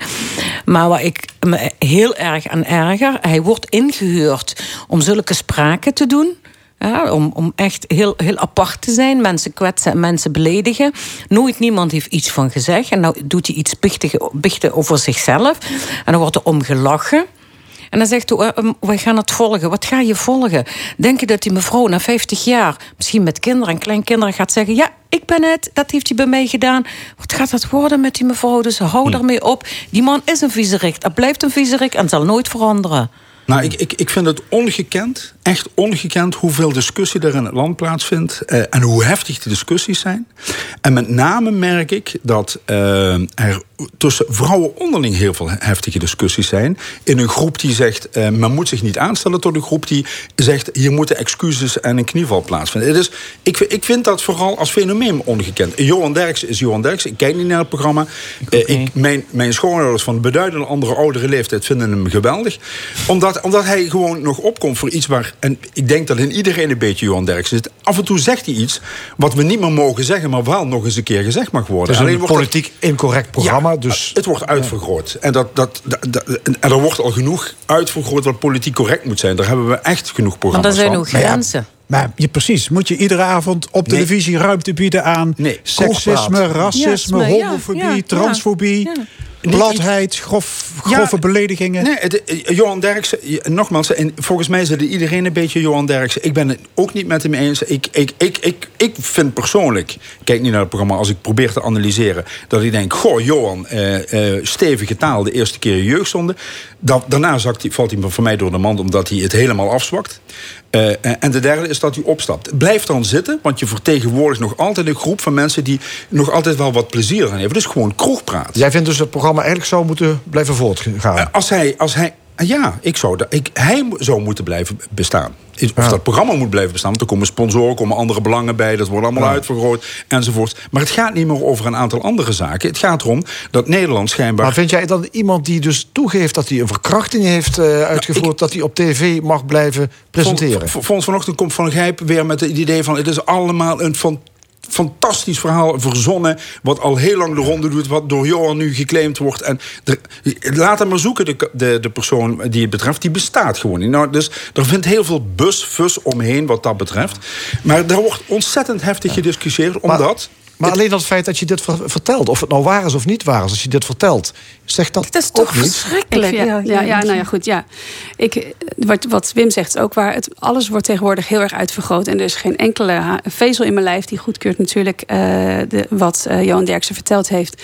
Maar waar ik me vooral ook zorgen maak, is dan inderdaad de hevigheid, het uitvergroten, het meteen cancelen. Sowieso even los van dit specifieke eh, eh, incident. Want we hebben dat bij The Voice gezien. Nou, en er komen natuurlijk steeds meer verhalen in de Tweede Kamer, eh, in de politiek. Dit is zeg maar het topje van de ijsberg. Dus ik probeer dan, omdat ik werkzaam ben in het onderwijs, in de gezinnen, probeer ik dan te kijken wat kunnen we hier nu mee. Want ik ga hier niet zitten zeggen wat ik van Johan Derksen vind. Dat mogen denk ik duidelijk zijn. Dat is voor mij niet zo relevant. Maar het goede hieraan is, voor zover dat zeg ik dan wel tussen aanhalingstekens, is dat in alle huiskamers op alle scholen, basisscholen, middelbare scholen en daar eh, verder buiten, dat nu wordt besproken wat is dan eigenlijk eh, seksueel geweld, seksuele intimidatie, hoe ziet dat eruit? Laten we het daarover hebben. Laten we die afschuwelijke verhalen ombuigen naar te kijken van waar is het misgegaan. Ik heb net even nog opgezocht. Het 22% van de vrouwen heeft te maken met seksueel geweld in Nederland. Dat is 22 vrouwen. Dus in een gezin van vijf, als daar een meisje zit, dan is dat dus één van hun in een klas. Dus vier, vijf meiden. In, nou ja, eh, collega's, dat is gewoon één op de vijf. En, ehm en 6% van de mannen trouwens ook. Ik denk, denk liever laten we dit soort situaties aangrijpen om te kijken hoe kunnen we dit in de toekomst voorkomen. Ik ben niet voor het cancelen van Johan Derksen of van een programma in zijn geheel. Daar doe ik geen uitspraak over. Maar die cijfers zijn zorgelijk en daar moeten we wat mee. Nou, de andere cijfers die natuurlijk ook van de andere kant zorgelijk zijn... is dat er 1 miljoen mensen stevast zitten te kijken... Precies. en te genieten van zo'n programma. Ja, Ik, kijk daar niet. eh, Prima, ieder zijn eigen eh, smaak en stijl. Maar er is dus een behoorlijke meerderheid... die dit soort programma's, dit soort taal... schijnbaar toch wel ergens interessant of leuk of plat vindt. Ik weet het niet. Maar die mogen ook toch een mening zeggen van wat dat gezegd is. En die andere collega van hem, die, dat, die zegt... ah, als dat een, een, een, een was... ja, ik snap niet dat mensen dat goedkeuren. En die zeggen, ja, die mogen blijven. En dat kan toch niet? Het is mensen onterend. Waar is de eer van de vrouw nog? Eh, alles de 2 miljoen mensen die daar naar kijken. Eén persoon wordt zo gekwetst. Ik voel me gekwetst als vrouw zijn als ik zoiets zie. Ik kijk ook nooit, heb ik nooit naar die programma gekeken. Johan Derksen altijd over zijn homofobie, de, de racisme, al die dingen. Dan denk ik, uh, walgelijk, daar hoef ik al niet meer te kijken. Maar dan moet toch iets gebeuren. Moeten we echt alles gaan accepteren? In de noemer van vrijheid van meningsuiting? Of in de Nee, noemer dat- van, eh, dat is een goede spreker? Of dat is een programma die 1 miljoen naar kijkt? Ik word daar niet beter van. En de rest van de 1 miljoen van Nederland, die worden ook niet beter van. Sorry. Het zou me Openbaar Ministerie gaat trouwens eh, onderzoek doen naar het gedrag van Derksen. hè. 50 jaar geleden, heet je, je zei het al. eh, terwijl er nog 800 zedenzaken van recente datum op de plank liggen. Dat, dat, dat is Het geen. meeste is, er is, belachelijk er is capaciteitsgebrek. Ja, je kunt je afvragen, liggen de prioriteiten van het OM Ja, wel, dat vind ik dus net belachelijk. Ik bedoel, ik ben geen jurist, maar die zaak is natuurlijk verjaard. Dus dat is kansloos. Dat ik denk van, ik zou me voor kunnen stellen... als ik net een aangifte heb gedaan in het afgelopen jaar... dat ik denk van, maak daar dan werk van. Ja. En daar kan nog actie op volgen. Nou, er is natuurlijk in de Kamer ook wel het een en ander gebeurd. Maar ik denk, Limburg heeft extra mensen gaan ze inzetten. Dat ik denk, nou, dat is dan misschien het, eh, ook weer het... tussen aanhalingstekens goede wat hier aankomt. Maar laat, laat die zaak van Johan alsjeblieft lopen. Echt aandachttrekkerij, het is wat Wim zegt. Misschien is het een verzinnen verhaal. Misschien klopt dat helemaal niet. Ik, in mijn gedachten dacht ik van ja, stel dat die vrouwen nog in leven zijn.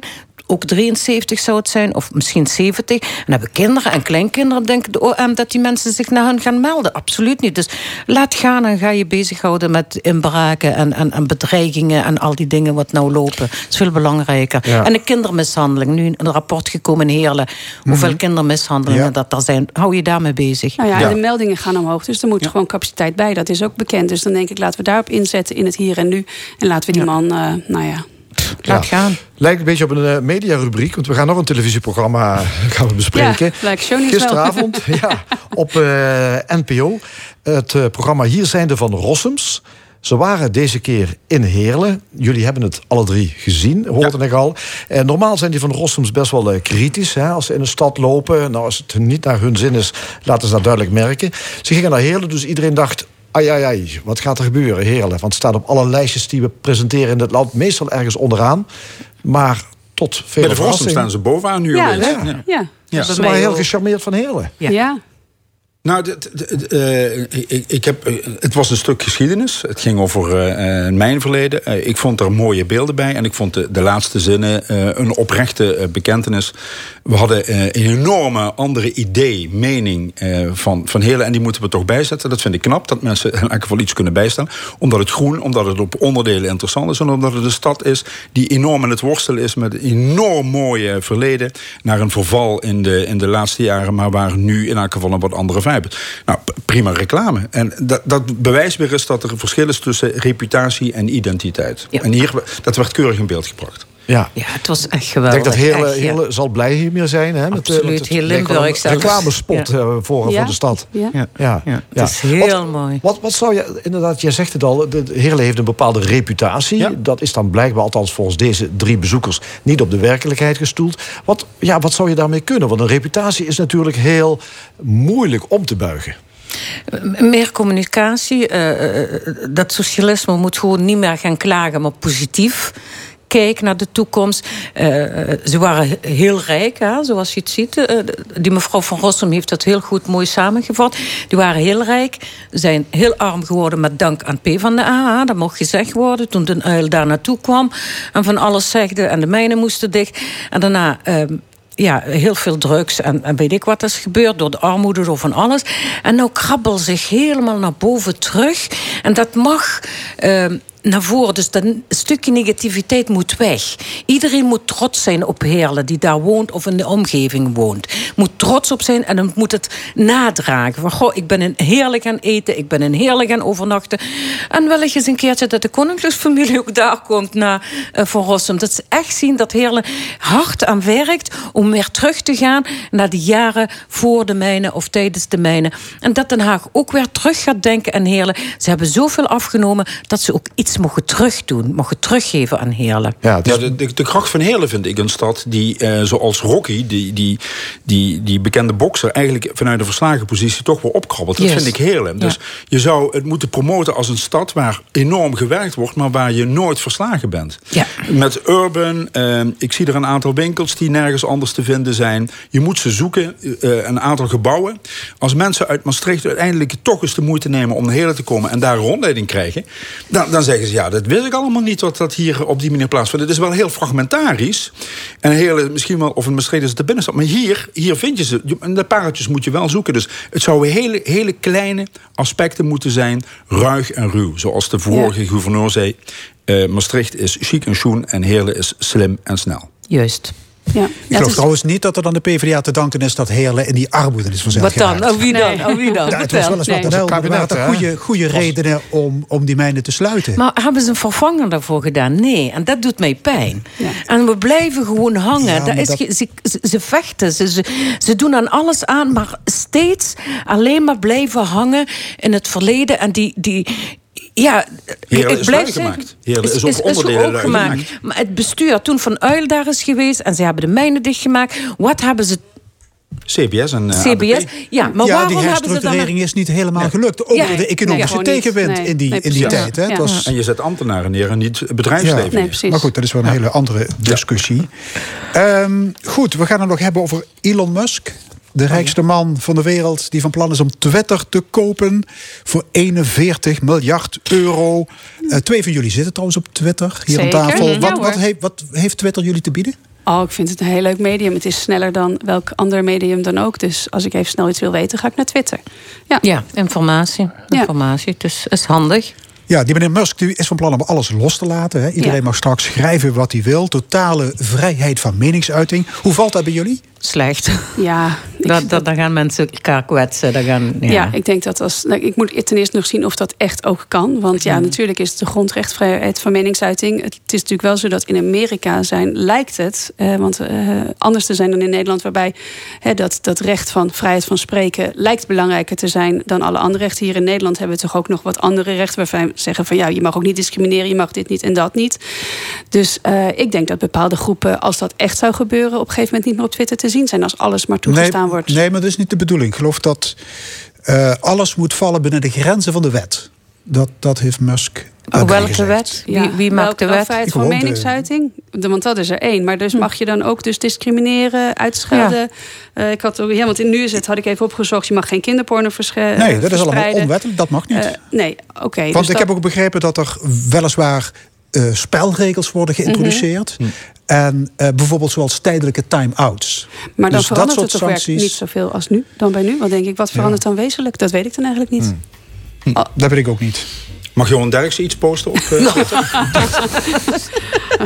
Ja. Dat denk ik dat wel. wordt een medium dan, hè? Ja, of, Waarom Ja. zit jij er niet op? eh, Wim? Ja, Nee, het is, niet, is niet mijn medium. Nee, ik, eh, nee, het is niet mijn medium. Dus dat, dat, dat, niet een beetje. Ik ook zit ook niet op Instagram of op Facebook. Ik ben eh, heel loyaal en heel traditioneel LinkedIn. eh, fan. en daar zie ik ook al steeds meer Ja. meningen en eh, Dat- posts komen dan, eh, dan, dan, dan, Ja. dan het oorspronkelijk was. Eh, nou, ik- ik vind dat jammer, want ik vind LinkedIn gewoon een uitstekend medium. Dus geen Ja. Twitter. Nee.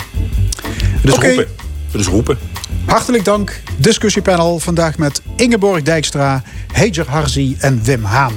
En dit was ook de stemming. Vandaag gemaakt door Edwin Maas, Fons Geraas en Frank Ruber. Volgende week dan is er vanwege de meivakantie geen stemming. In plaats daarvan kunt u luisteren naar Stemmingmakers. Een lang interview met litier- literatuurcriticus, publicist, docent en cultuurpromotor Ben van Melig. Zometeen hier op L1 Radio een vraaggesprek met oud-voetballer Reginald Tal. En daarna Sport en Co met onder meer Fortuna Feyenoord. Ik wens u nog een mooie zondag.